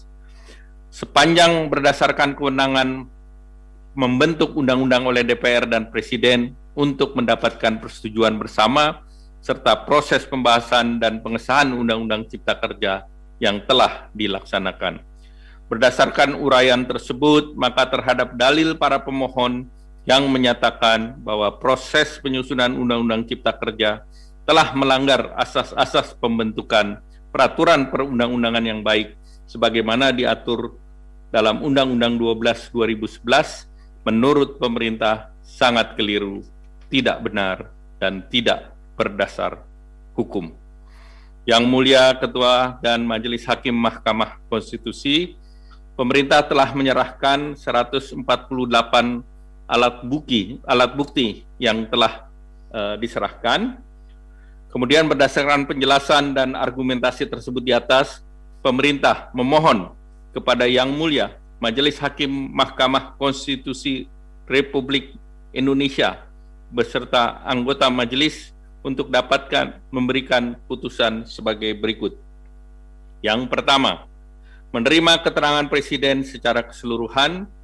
Yang kedua, menyatakan pemohon tidak mempunyai kedudukan hukum atau legal standing. Yang ketiga, menolak permohonan pengujian formil Undang-Undang Nomor 11 Tahun 2020 tentang Cipta Kerja para pemohon untuk seluruhnya. Yang keempat, menyatakan Undang-Undang Nomor 11 Tahun 2020 tentang Cipta Kerja tidak bertentangan dengan Undang-Undang Dasar Negara Republik Indonesia tahun 1945. Demikian kami sampaikan atas perhatian dan perkenan yang mulia Majelis Hakim Konstitusi kami mengucapkan terima kasih dan apabila ketua dan majelis berpendapat berbeda atau berpendapat lain kami mohon keadilan yang seadil-adilnya. Demikian wassalamualaikum warahmatullahi wabarakatuh. Waalaikumsalam. Baik, terima kasih Pak Menko. Uh, dari keterangan DPR dan Presiden ada beberapa hal yang ingin ditanyakan atau didalami oleh uh, Majelis Hakim. Yang pertama, silakan Yang Mulia Prof. Saldi. Terima kasih Pak Ketua. Assalamualaikum warahmatullahi wabarakatuh. Selamat pagi, salam sejahtera untuk kita semua. Om Swastiastu. Kami Mahkamah berterima kasih kepada DPR dan pemerintah yang sudah menyampaikan keterangan berkait dengan uji formil ini.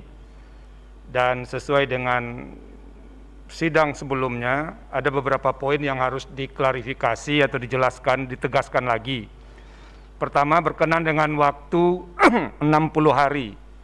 Kemarin di sidang minggu yang lalu Mahkamah menyampaikan waktu 60 hari itu dihitung dari uh, sidang minggu yang lalu. Tapi karena pemerintah dan atau DPR belum menyampaikan keterangan, waktu 60 hari kerja itu akan dihitung dari hari ini. Jadi penghitungannya didasarkan ketika kapan Eh, pemerintah dan atau DPR menyampaikan keterangan kepada Mahkamah Konstitusi. Jadi hitungannya hari ini. Jadi eh, 60 hari kerja akan mulai dihitung dari hari ini. Itu yang pertama. Yang kedua, karena DPR tadi menyampaikan keterangan lisan, nanti akan disampaikan kepada Mahkamah keterangan tertulis secara lengkap.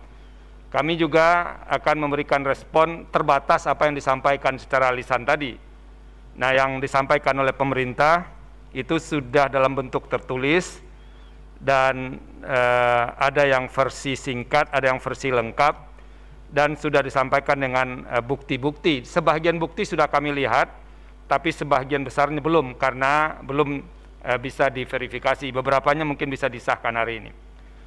Kami mulai dari yang pertama, eh, dari apa? Dari tahap pertama. Jadi Tahap pertama ini karena rancangan Undang-Undang Cipta Kerja ini merupakan usul inisiatif dari Presiden atau pemerintah. Hal penting hal penting yang perlu dijelaskan pertama oleh apa? Oleh pemerintah di luar yang sudah dijelaskan tadi adalah berkenaan dengan bagaimana pemerintah menjelaskan kepada mahkamah bahwa metode Omnibus Law itu itu fit dengan Undang-Undang Nomor 12 Tahun 2011 tentang pembentukan uh, peraturan perundang-undangan. Karena apa? Di dalam naskah akademik yang disampaikan kepada kami di Mahkamah Konstitusi itu tidak ada penjelasan yang mengaitkan kesesuaian metode omnibus law ini dengan undang-undang pembentukan peraturan perundang-undangan. Nanti tolong pemerintah menambah penjelasan kira-kira kesesuaian ini bagaimana penjelasan pemerintah. Dan di luar itu kira-kira kegiatan apa saja yang dilakukan oleh pemerintah dalam rangka merespon eh, apa namanya konsep atau metode pembentukan melalui omnibus law itu dengan tata cara pembentukan peraturan perundang-undangan yang masih berlaku dalam sistem hukum kita. Jadi ada dua hal, satu soal kesesuaian itu, yang kedua kira-kira di internal pemerintah diskusi-diskusi saja apa saja atau pembahasan apa saja yang dilakukan terkait dengan metode ini, terutama dalam mengaitkan dengan hukum positif yang masih berlaku. Itu di tahap awal. Yang kedua, eh, ketika naskah akademik itu disusun pada bulan Januari 2020, pemerintah sudah mengundang. Ini ada bisa di apa? Di keterangan pemerintah yang apa? Yang versi lengkapnya itu disebutkan mengundang kementerian lembaga serta stakeholders setelah kami cek misalnya buk, salah satu bukti yang diajukan oleh apa? Yang diajukan oleh pemerintah bukti PK 23 pemberi keterangan memang ada semua undangan dan tanda tangan itu dan ini semuanya tapi yang belum kami temui siapa saja stakeholder yang diundang di luar kementerian lembaga itu tolong itu ditambahkan penjelasannya biar kami juga tahu bahwa ternyata ada orang di luar kementerian dan lembaga yang terlibat sejak dari awal ketika naskah akademik itu dipersiapkan oleh pemerintah. Nah, itu itu untuk proses proses awal yang dipersiapkan pemerintah karena ini bagiannya menjadi bagian dari pemerintah. Yang ketiga, ini masih terkait dengan eh, proses-proses uh, awal. Kira-kira hitungan pemerintah ada 79 undang-undang yang apa yang itu dimasukkan kepada apa metode omnibus law ini itu perhitungan berapa banyak pendelegasian kepada peraturan yang lebih rendah itu di mana bisa ditemukan dalam eh, apa namanya dalam naskah akademik karena ini penting disampaikan salah satu basis argumentasi pemerintah kan menyederhanakan produk undang-undang atau produk peraturan perundang-undangan. Nah, kami ingin dapat juga gambaran seberapa sederhana kemudian pendelegasian yang, di, yang diberikan kepada peraturan perundang-undangan di bawah undang-undang. Jangan-jangan nanti undang-undangnya sederhana, tapi pendelegasiannya menjadi tidak sederhana. Dan itu bisa jadi masalah juga untuk tujuan penyederhanaan regulasi yang disampaikan oleh pemerintah tadi. Itu dalam tahap apa? Dalam tahap persiapan. Nah, saya masuk sekarang ke tahap pembahasan. Di tahap pembahasan ini sebetulnya yang ini diarahkan kepada DPR. Bagaimana DPR mempersiapkan daftar inventarisasi masalah dalam kurun waktu yang relatif agak singkat itu dari ada sekitar 79 atau lebih undang-undang yang masuk kepada model pembahasan eh, apa namanya omnibus law ini. Tolong DPR juga memberikan penjelasan kepada kami bagaimana cara klasterisasi persiapan daftar inventarisasi masalah itu dilakukan oleh DPR. Nah, itu untuk DPR. Nah, poin berikutnya di dalam tahap pembahasan itu adalah yang secara konstitusional karena ini berkait dengan lembaga lain yang punya kewenangan juga dalam membentuk undang-undang yaitu DPD. Di keterangan pemerintah itu tadi disebut ada dua atau tiga kali menyebut DPD dalam pembahasan itu. Kami Mahkamah memerlukan penjelasan yang lebih konkret dari apa? Dari DPR. Bagaimana DPR melibatkan DPD dalam pembahasan Undang-Undang Cipta Kerja ini? Misalnya, kami memerlukan bukti penyampaian draft dari DPR ke DPD. Kenapa ini penting? Karena dari 79 atau lebih undang-undang yang dijadikan ke dalam Undang-Undang Cipta Kerja ini, Sebahagiannya itu berkait dengan kewenangan DPD sebagaimana diatur dalam pasal 22D Undang-Undang Dasar 1945. Tolong nanti DPR menyampaikan kepada kami bukti pengiriman draft RUU Cipta Kerja ke DPD dengan suratnya, itu satu. Yang kedua, nanti bukti penyampaian pengantar musyawarah dari DPD kepada DPR yang diterima DPR. Nanti akan ada juga apa uh, uh, DPD mungkin akan diundang untuk memberikan penjelasan ini. Yang ketiga, bukti daftar inventarisasi masalah berkait dengan Undang-Undang Ciptaker yang dibuat oleh DPD untuk dijadikan bahagian yang akan dibahas ketika pembahasan bersama di DPR. Yang keempat, bukti adanya penyampaian pendapat mini DPD sebelum dilakukan persetujuan bersama. Nah, tolong ini dengan bukti-bukti sekaligus dengan risalah yang membuktikan kehadiran DPD ikut dalam poin yang saya kemukakan tadi. Ini untuk tahap eh, pembahasan. Dalam tahap persetujuan ini kepada DPR, kami mengikuti dan membaca juga ada fraksi yang WO, walk out ketika menjelang persetujuan bersama itu. Di peraturan tata tertib DPD itu, kalau masih ada yang tidak sependapat, itu kemudian dilakukan musyawarah. Kalau musyawarah tidak tercapai, pimpinan DPR bisa menentukan bagaimana orang yang tidak setuju itu. Nah, tolong kami diberikan gambaran juga, apakah musyawarah dengan yang tidak sepakat itu dilakukan, apa hasilnya, dan segala macam, tolong disampaikan juga ke mahkamah. Itu untuk DPR. Yang terakhir untuk DPR, ada pengakuan, ini setelah dicek, pengakuan Sekjen DPR bahwa ada beberapa koreksi yang dilakukan setelah persetujuan bersama terhadap draft yang dipersetujui bersama yang ketika itu dihadiri oleh wakil pemerintah Menko Perekonomian. Tolong kami mahkamah juga diberi bukti apa draft yang ketika dipersetujui itu, dipersetujui bersama itu dan perubahan-perubahan teknis apa saja yang dilakukan sehingga kami bisa melihat apakah yang terjadi itu perubahan teknis atau perubahan substansi. Tolong DPR menyertakan itu kepada mahkamah. Karena ini kan jadi eh, salah satu isu yang sangat serius dibahas ketika itu. Nah ini terkait dengan eh, pasca persetujuan bersama di internal DPR sebelum draft itu disampaikan kepada Presiden. Selanjutnya kepada Presiden atau pemerintah,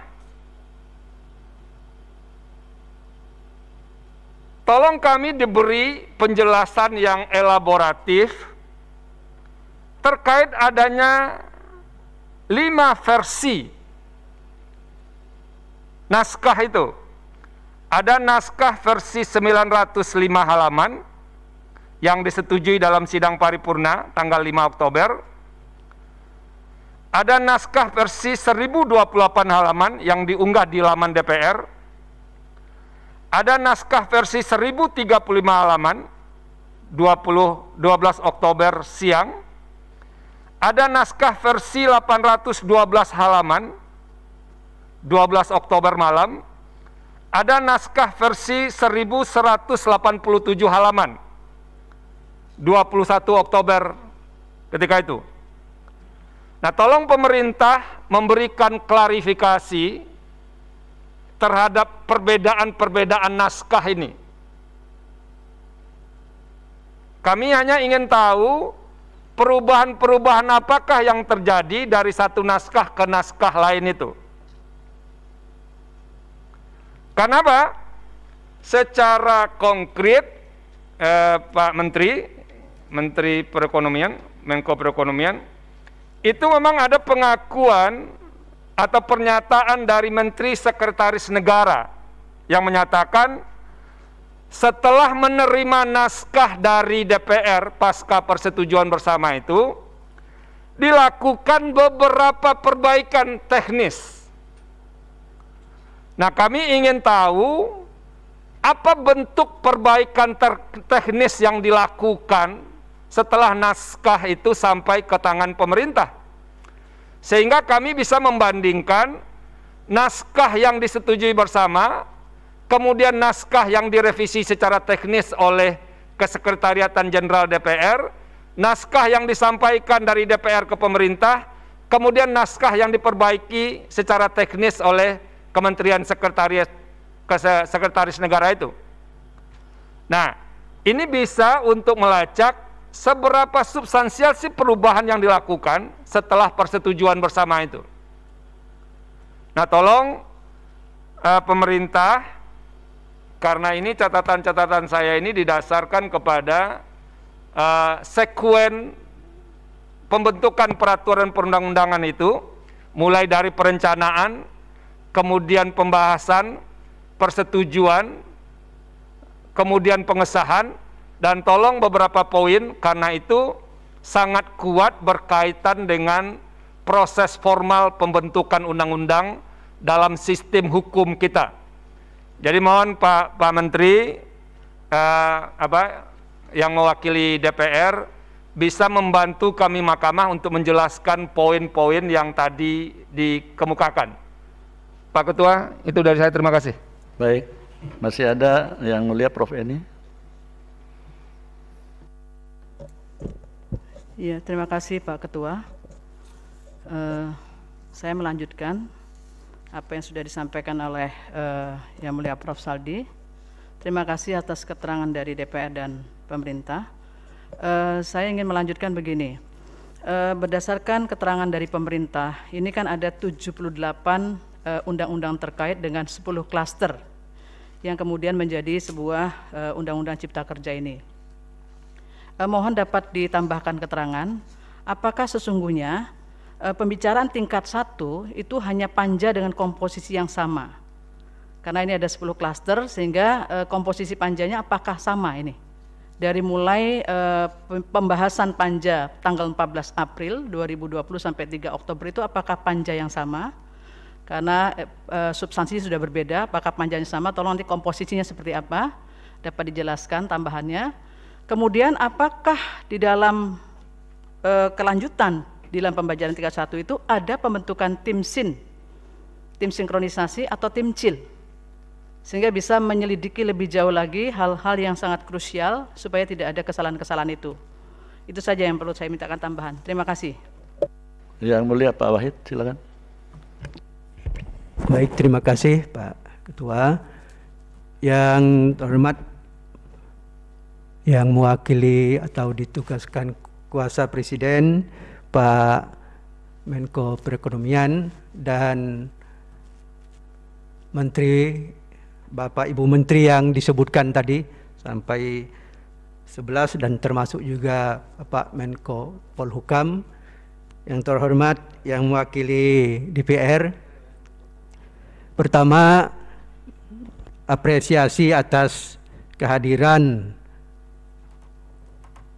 kuasa presiden dan juga dari DPR karena sepanjang pengetahuan pengalaman saya ini satu-satunya undang-undang di mana presiden dalam penugasan pembahasan di DPR ada 11 menteri. Sebelumnya paling banyak itu waktu undang-undang BPJS itu 8 menteri. Kemudian hadir ketika undang-undang ini diajukan permohonan pengujian baru kali ini juga minggu yang lalu 8 menteri dan sekarang 11 menteri dan juga dari DPR. Nah ini menggembirakan kita tentu publik juga bahwa masalah yang kita bahas ini cukup mendapat perhatian dan keseriusan kita bersama. Eh, undang-undang uh, Cipta Kerja ini terkait bahwa ada 11 klaster, ada menyebut 12, 15 bab, 188 pasal dan merevisi. Ada yang menyebut 77, ada 78, ada 79. Tapi itu banyak ya. Nah, ini terkait saya minta nanti terutama tekanan dari keterangan presiden karena belum diruraikan secara rinci meskipun tadi dari DPR sudah menyinggung tentang Metode yang dipakai ini adalah metode Omnibus Law.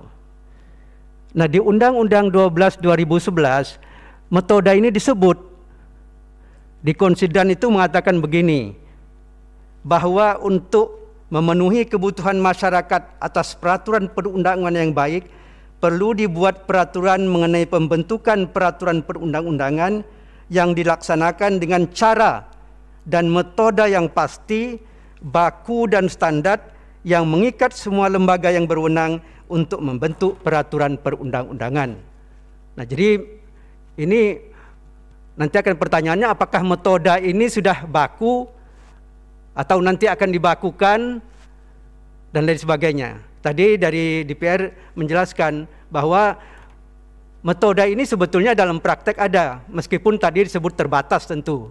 Ketika perubahan Undang-Undang 13 2003 Ketenagakerjaan, Undang-Undang 7 2017 tentang pemilu, di mana itu menyederhanakan, menyelaraskan, dan menggabungkan tiga undang-undang. Undang-undang penyelenggara pemilu, undang-undang pilpres, dan undang-undang pileg.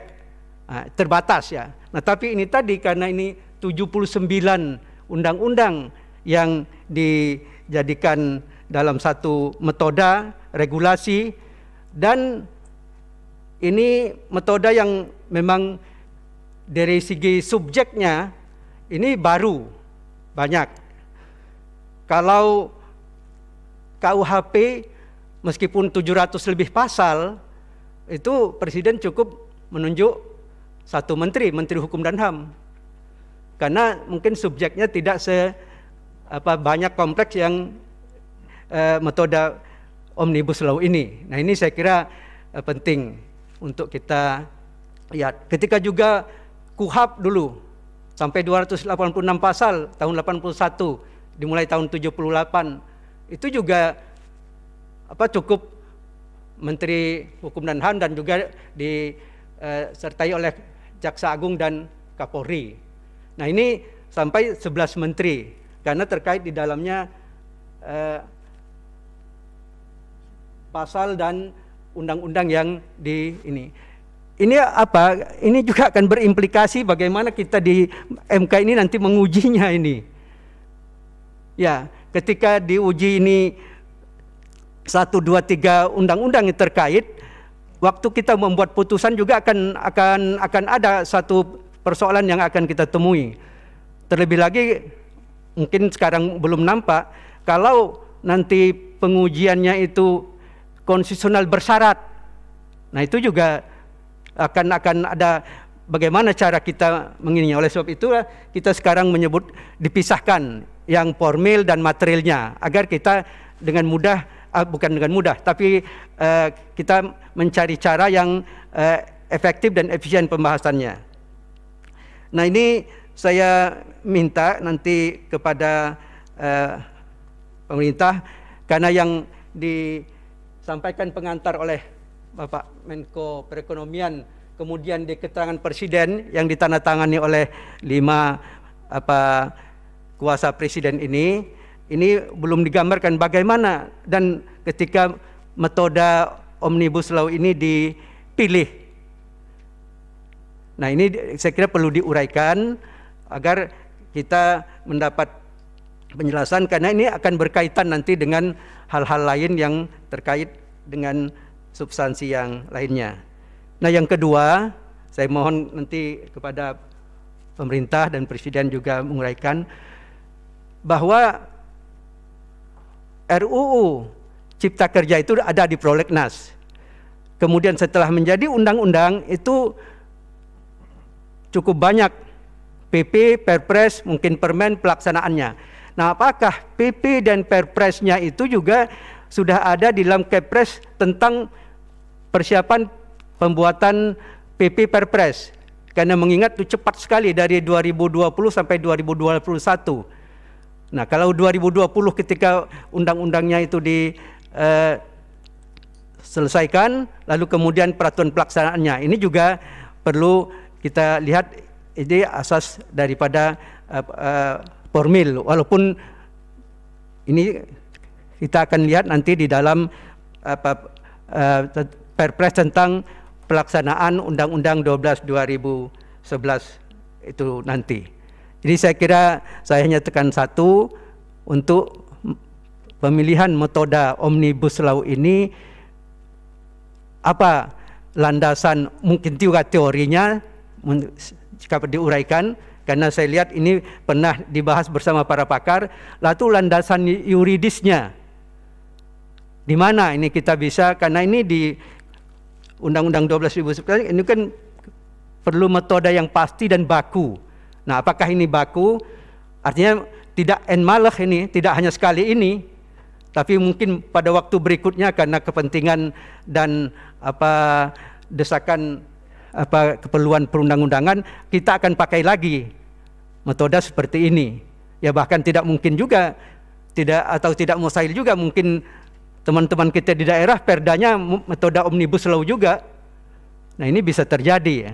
Jadi artinya diberikan jawaban landasan teorinya, kemudian landasan yuridisnya yang bisa ditarik atau dilihat dari Undang-Undang 12 2011 sebagai pedoman pembentukan peraturan perundang-undangan. Saya kira itu saja. Terima kasih. Baik, masih ada yang mulia Pak Daniel, silakan. Baik, terima kasih yang mulia Pak Ketua. Terima kasih juga untuk pihak DPR dan pemerintah yang telah menyampaikan keterangan. Sudah cukup banyak yang disampaikan oleh yang mulia sebelumnya. Hanya satu hal yang ingin saya sampaikan yang terkait dengan stakeholders.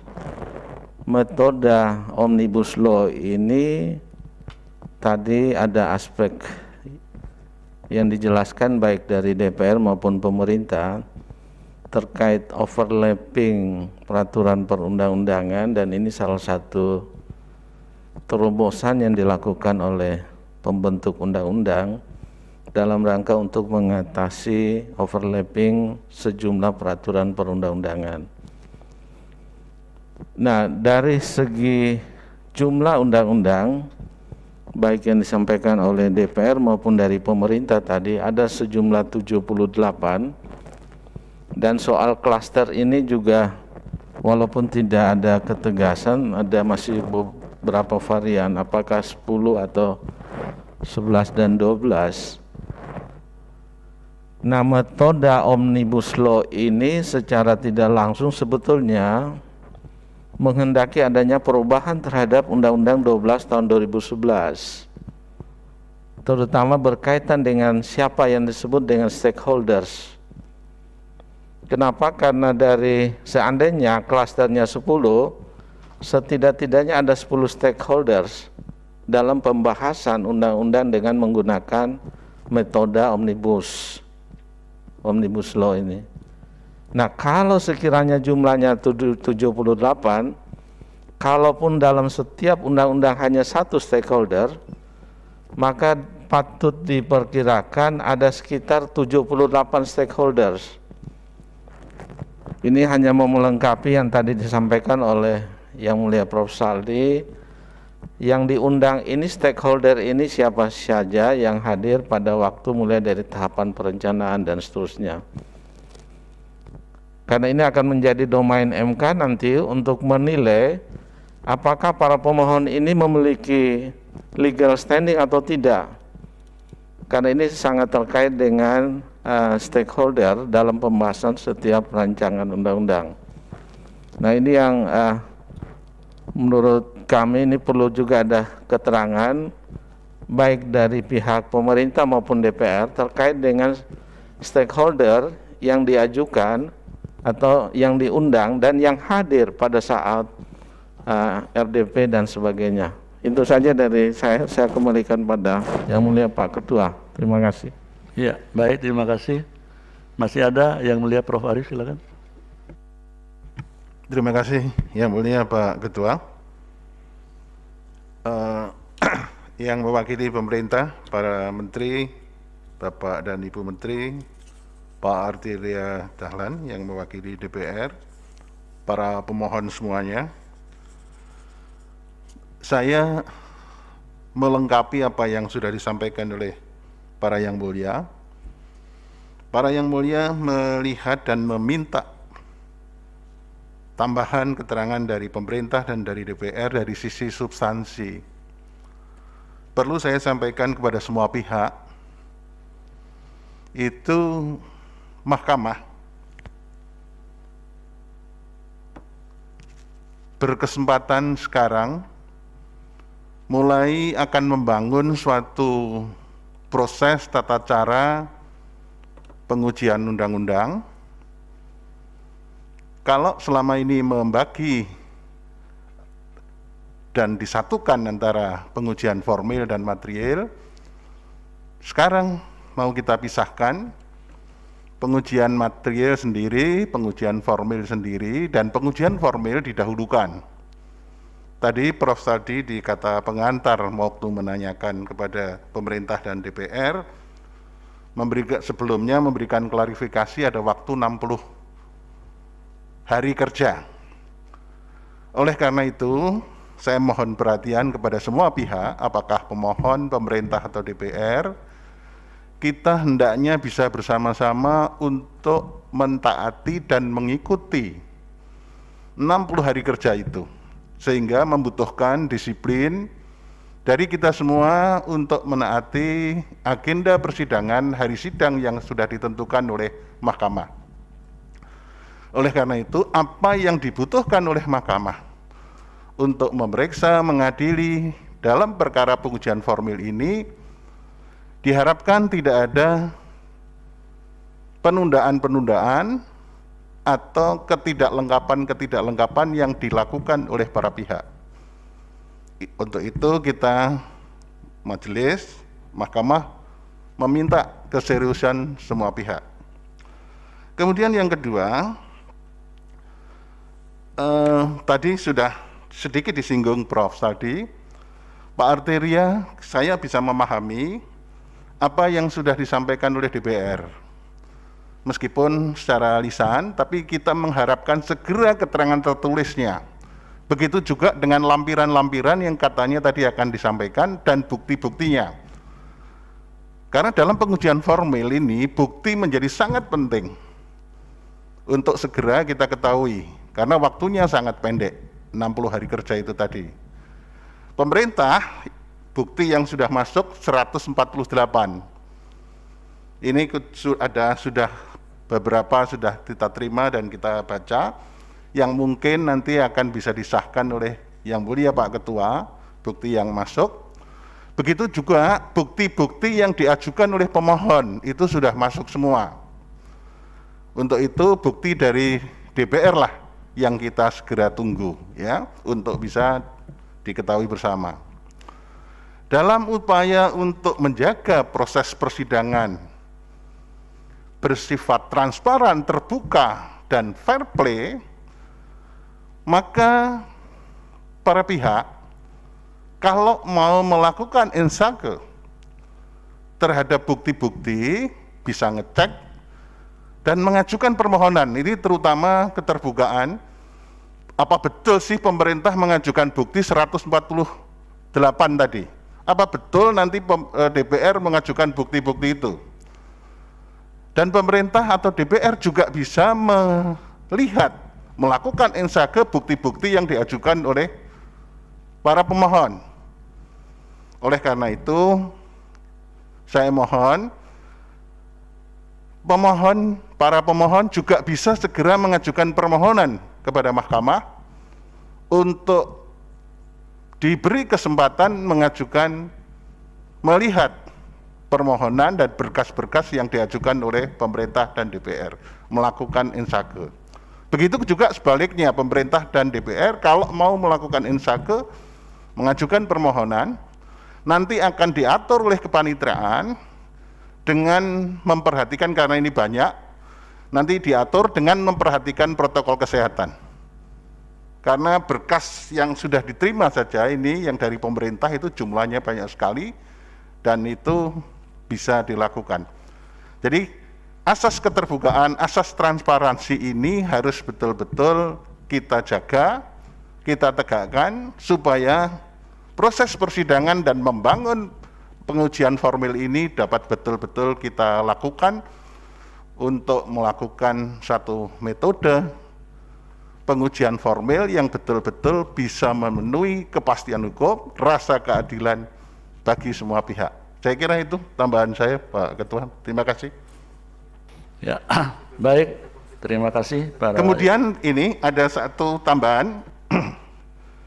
Begini, yang keterangan pemerintah tadi yang dibacakan Pak Menko, Pak Hartarto, itu yang di poin 4. Ini yang terakhir menyatakan Undang-Undang Nomor 11 Tahun 2020 tentang Cipta Kerja tidak bertentangan. Ini belum sampai ke situ. Jadi hanya menyatakan pemohon tidak mempunyai kedudukan hukum, kemudian yang ketiga menolak permohonan pengujian formal dulu di sini, menolak pengujian formil.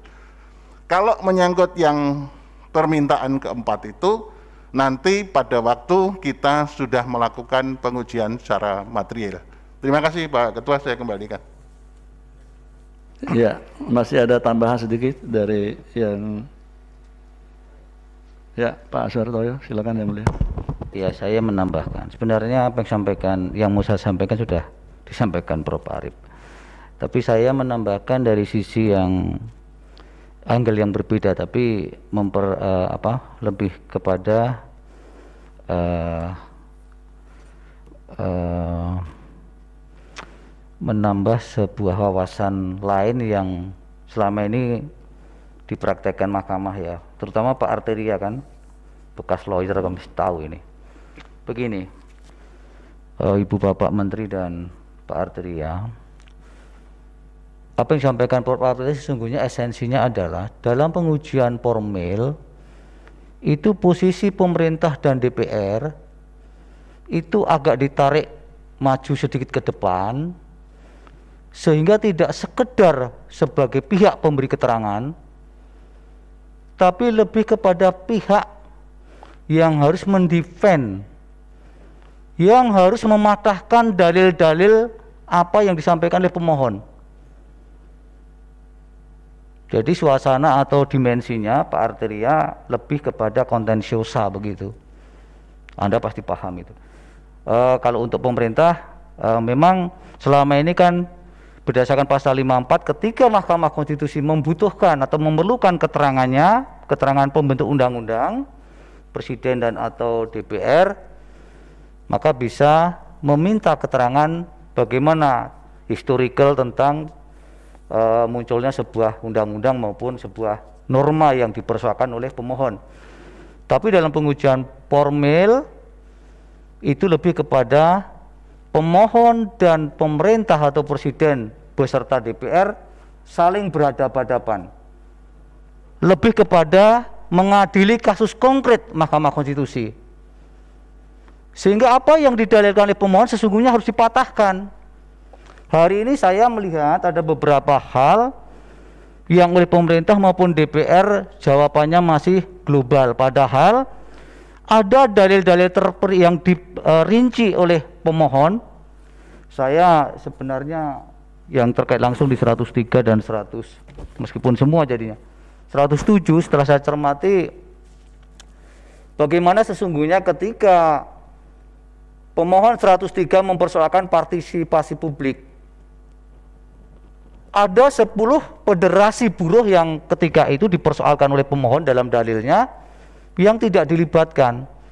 Yang meskipun pada akhirnya dilibatkan tapi di sana tidak ditemukan adanya sebuah kesepakatan atau kesimpulan. Nah, ini kan mengandung esensi sebenarnya apa sih sesungguhnya partisipasi itu apakah sekedar diundang kemudian hadir ataukah sebenarnya ada substansi yang lebih dalam yang harus disepakati yang kemudian menjadi uh, apa kristalisasi daripada norma yang tertuang dalam undang-undang yang kemudian dibentuk itu. Itu kan menjadi persoalan lain yang kemudian harus dijawab oleh pemerintah dan DPR. Termasuk dalam perkara 107 misalnya juga mempersoalkan bagaimana tentang nomenklatur Omnibus Law sendiri yang belum clear baik historicalnya, sejarahnya maupun kemudian tinjauan-tinjauan juridis, filosofisnya sebagaimana yang dipersoalkan Pak Wahidudin tadi. Nah itu kemudian secara faktual menurut eh, menurut pemohon 107 bahwa undang-undang itu tidak menyederhanakan, malah sebaliknya kata dia. Eh, itu yang sebenarnya harus dijawab. Saya hanya memberi contoh itu, maksud saya bahwa dalam perkara pengujian formil, pemohon dan ter, uh, pemerintah dan presiden, uh, presiden dan DPR saling berhadapan, saling membuktikan. Jadi bisa dikatakan quote and quote perkaranya adalah kontensiosa yang uh, harus dibuktikan dan harus dipaktahkan oleh masing-masing pihak. Itu saja Pak Ketua sesungguhnya. Jadi ada pergeseran. Makanya apa yang disampaikan Prof. itu sangat sangat penting bahwa bukti bukti bisa surat, bisa saksi, bisa ahli itu yang sangat memegang peranan penting dalam pembuktian pengujian formil. Berbeda dalam pengujian material uh, uh, kita mengedepankan nomor urut bukti adalah nomor uh, bukti surat adalah nomor urut satu. Tapi ketika pengujian formil itu bisa bergeser menjadi yang pertama adalah bukti saksi, surat, bahkan bisa juga ahli. Jadi ada pergeseran tentang apa level-level uh, uh, uh, uh, makna bukti juga, apa nilai pembukti, nilai bukti juga, nilai nilai alat bukti maksud saya. Mungkin itu saja Pak Ketua supaya ini juga penting dan uh, saya kira uh, bagian dari apa message pas uh, putusan 79 itu adalah yang hari ini kita sampaikan bersama-sama oleh para hakim kepada para pihak termasuk khususnya pemerintah dan DPR. Itu saja, terima kasih. Ya, baik, terima kasih Yang Mulia. Masih ada sedikit tambahan dari Yang Mulia Prof. Saldi, silakan. Terima kasih Pak Ketua ini kalau tadi untuk DPR dan apa dan pemerintah, sekarang untuk pemohon. Uh, ini seperti yang dikatakan Prof Arif tadi karena ini ada rejim keterbatasan waktu. Kami juga mohon kepada pemohon untuk mempertimbangkan kalau mau mengajukan ahli. Jadi kalau semua permohonan ini mengajukan ahli ada masing-masing tiga atau empat, nah nanti jadi waktu 60 hari nggak nggak kesampaian. Dan kalau itu yang terjadi, kemarin kita bahas eh, apa nanti bisa ditambahkan Prof Arif juga. Kami bisa saja menganggap dalam perjalanan itu itu sudah cukup kalau kami. Jadi kalau ada mau kontes ahli, jadi tolong dipertimbangkan betul. Kalau mau menyampaikan ahli, mungkin semua pemohon bisa melakukan konsolidasi. Mungkin semua pemohon berkumpul, cukup kita menyampaikan ahli berapa orang dari semua permohonan ini. Dan itu sudah bisa mewakili para pemohon. Jangan nanti setiap nomor mengajukan tiga atau empat orang ahli, dan ini tidak selesai. Kalau itu yang terjadi, kami mahkamah bisa saja nanti menganggap ini sudah cukup. Jadi tidak dilanjutkan lagi untuk keterangan-keterangan lain, karena waktu 40, 60 hari itu termasuk waktu bagi kami mempersiapkan putusan. dan membahas uh, putusan. Tolong itu diperhatikan betul, Nanti pemerintah dan DPR kalau mau mengajukan ahli misalnya, tolong tidak usah banyak-banyak, yang penting substansinya begitu. Terima kasih Pak Ketua. Ya, baik, terima kasih Yang Mulia. Saya eh, menambahkan penjelasan Yang Mulia Prof. Saldi. Jadi tadi waktunya memang sangat ketat, 60 hari ini maksud itu 60 hari kerja dan kalau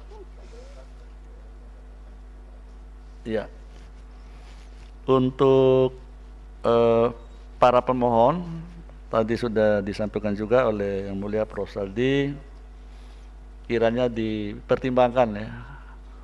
Kalau memang itu haknya masing-masing pihak para pemohon enam perkara maupun uh, kuasa presiden dan uh, DPR tentunya. Tetapi sekali lagi karena keterbatasan waktu ya mohon menjadi bahan pertimbangan dan tentu saja nanti eh, majelis hakim ya mahkamah bisa mengambil eh, keputusan atau kesimpulan bahwa ahli yang dihadirkan oleh para pemohon presiden maupun DPR sudah dianggap cukup hanya beberapa orang saja artinya tidak semua. Tergantung dari perkembangan nanti.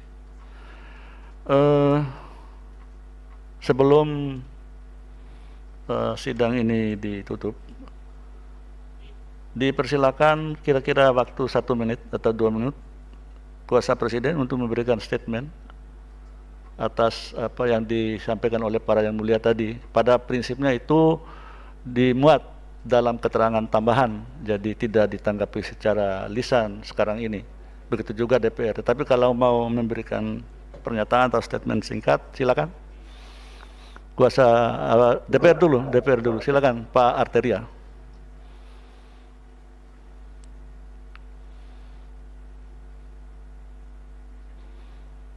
Terima kasih yang mulia. Mohon waktunya jangan satu menit yang mulia. Saya juga ingin memberikan gambaran sedikit. Pertama apresiasi 10 menteri yang hadir, yang saya hormati para senior Pak Menko, Pak Mahfud, Pak Loli, Bu Menkeu, Pak Sofian Jalil, Pak Basuki, dan Pak Budi Karya Sumadi dan para pemohon apresiasi sudah menjadikan Mahkamah Konstitusi sebagai jalur untuk pengujian undang-undang, kanalnya sangat konstitusional. Kami juga mengharapkan, saya pribadi dan Komisi 3 tentunya, sampai saat ini yang mulia masih meyakini bahwa Mahkamah Konstitusi adalah pilot project penegakan hukum. Kita serahkan nyawa kita kepada Mahkamah Konstitusi. Saya ke Prof. Saldi yang mulia, Waktu 60 hari dihitung dari mana, tentunya kami menundukkan diri sepenuhnya kepada Mahkamah Konstitusi. Bagaimana pemerintah menjelaskan kepada Mahkamah apakah undang-undang ini fit ya melalui apa sesuai dengan metode omnibus ini fit dengan undang-undang P3 pembentukan peraturan perundang-undangan. Ini merupakan pembahasan yang panjang. Di situ tadi ya jadi pemerintah ada Pak Ellen, kita berdebat begitu panjang ya mulia. Melibatkan begitu banyak ahli, dan mudah-mudahan nanti kita akan paparkan ya kenapa pada akhirnya kita katakan metode omnibus ini adalah satu-satunya jalan untuk menyelesaikan yang namanya solusi kebangsaan. Ini karya agung yang mulia, sangat revolusioner, fundamental sekali. Tapi sayangnya dibuat dalam keadaan bangsa yang sedang tidak ideal. Kita ini jangan cerita pada hari ini. Kemarin itu kita masih bimbang bingung terkait dengan bagaimana COVID bagaimana strategi pemulihan ekonomi nasional. Menurut kita semua pada saat itu dan semuanya teryakinkan pemerintah, DPR dan elemen masyarakat bahwa undang-undang ini adalah solusi kebangsaan. Salah satu alternatif keluarnya kita dari masalah yang carut marut ini apalagi pada saat pandemi COVID-19. Memang pada saat itu kita juga dihadapan pada posisi yang sulit ya mulia. Kalau dikatakan apa omnibus law ini baru kata siapa 2015 Pak Jokowi sudah mengatakan ini masalah carut marut perizinan undang-undang yang tumpang tindih kewenangan yang overlap regulasi yang obesitas ini sudah masalah kementerian lembaga sudah diinstruksikan untuk mengidentifikasi dan verifikasi pada saat pidato pertama Pak Jokowi di apa DPR pada saat periode keduanya beliau sudah disounding yang namanya omnibus. Ini nggak barang baru. Semua fraksi sudah bergerak. Bahkan beliau mengatakan 100 hari harus rampung. Jadi mulainya itu bukan awal 2020, sudah sejak lama ini. Nah, jadi kalau ditanya apakah ada jejak-jejaknya, pastinya ada. Nanti kita akan kirimkan kepada Prof Saldi nanti. Di sini yang kita utamakan adalah ya Negara iya, butuh basis yang kuat, butuh regulasi yang bisa menyelesaikan ini semua. Identifikasi permasalahannya sudah kita ketahui yang mulia. Semua kementerian dan lembaga tahu masalah dan salahnya di mana. Tapi kalau kita pakai Undang-Undang P3 ini, bahkan Undang-Undang P3 setelah direvisi, ini kan kita kerjanya satu-satu dan perlu diketahui yang mulia, tidak hanya 79 undang-undang sejatinya. Bagaimana juga peraturan pemerintah pusat yang begitu banyaknya. Saya bisa ceritakan itu ada apa sekian ribu dan 15 ribu peraturan daerah turunan yang terkait. Ini kerja-kerjanya yang kerja luar biasa. Saya juga bingung apa saya ingin sampaikan suasana kebatinan kami pada saat itu. Apakah sesuai dengan Undang-Undang P3? Iya. Nanti kita akan paparkan bagaimana hasil kajian yang kita sampaikan, Mbak. Jadi intinya adalah cara-cara konvensional sudah kita coba. Begitu taatnya kita sama ketentuan regulasi pasti Pak. Di DPR ini bukannya gerombolan. Pemerintah juga seperti itu dan sudah kita penuhi. Nanti sudah ada rekam jejak secara tertulisnya pada saat itu. Kita tidak bisa selesaikan satu persatu. Masalah regulasi yang tumpang tindih harus kita selesaikan secara serentak dalam bentuk satu kesatuan substansi pengaturan yang kedua, kita juga harus yakinkan betul tidak boleh ada kekosongan hukum satu detik pun. Makanya inti atau spiritnya undang-undang existing tetap eksis dan mengikat pada saat pembahasan ini. Kemudian juga kalau ada kurang Inilah yang kita katakan diomnibuskan. Apa itu yang kurang kita revisi. Yang ada dikit-dikit lemah kita perbaiki. Kemudian yang memang udah masalah banget ya kita batalkan kan kita muat ya ada dua opsi batalkan ANSI dan yang kedua kita buat materi muatan baru. Nah ini yang menjadi dasar kenapa kita melakukan metode omnibus ini Pak. Kemudian ketika naskah akademik tadi Prof. Saldi yang disusun, pemerintah sudah undang kementerian dan lembaga. Ini yang saya katakan tadi Prof, ini bukan barang baru. Begitu Pak Jokowi ngomong di mimbar gedung kura-kura, semua fraksi sudah diinstruksikan bergerak. Kementerian dan lembaga pada periode pertamanya Pak Jokowi udah jalan mereka. Itu Nah memang mulainya kapan tek itu ya terkesan seolah-olah oh cuma 8 bulan atau berapa. Kemudian seberapa sederhana pendelegasian di bawah undang-undang. Ini simultan, Prof. Saya ingin pastikan waktu itu orang bingung. Bingungnya kenapa? Ini begitu di omnibus jadi sebagai suatu undang-undang cipta kerja, bagaimana mengatasi belet turunan peraturan perundang-undangan. Orang bingung, apa iya bisa buat PP begitu cepat? Iya bisa. Kenapa bisa? Karena waktu kita buat undang-undang, PP-nya juga sudah mirroring, mengikuti perubahan undang-undang yang sedang dibahas.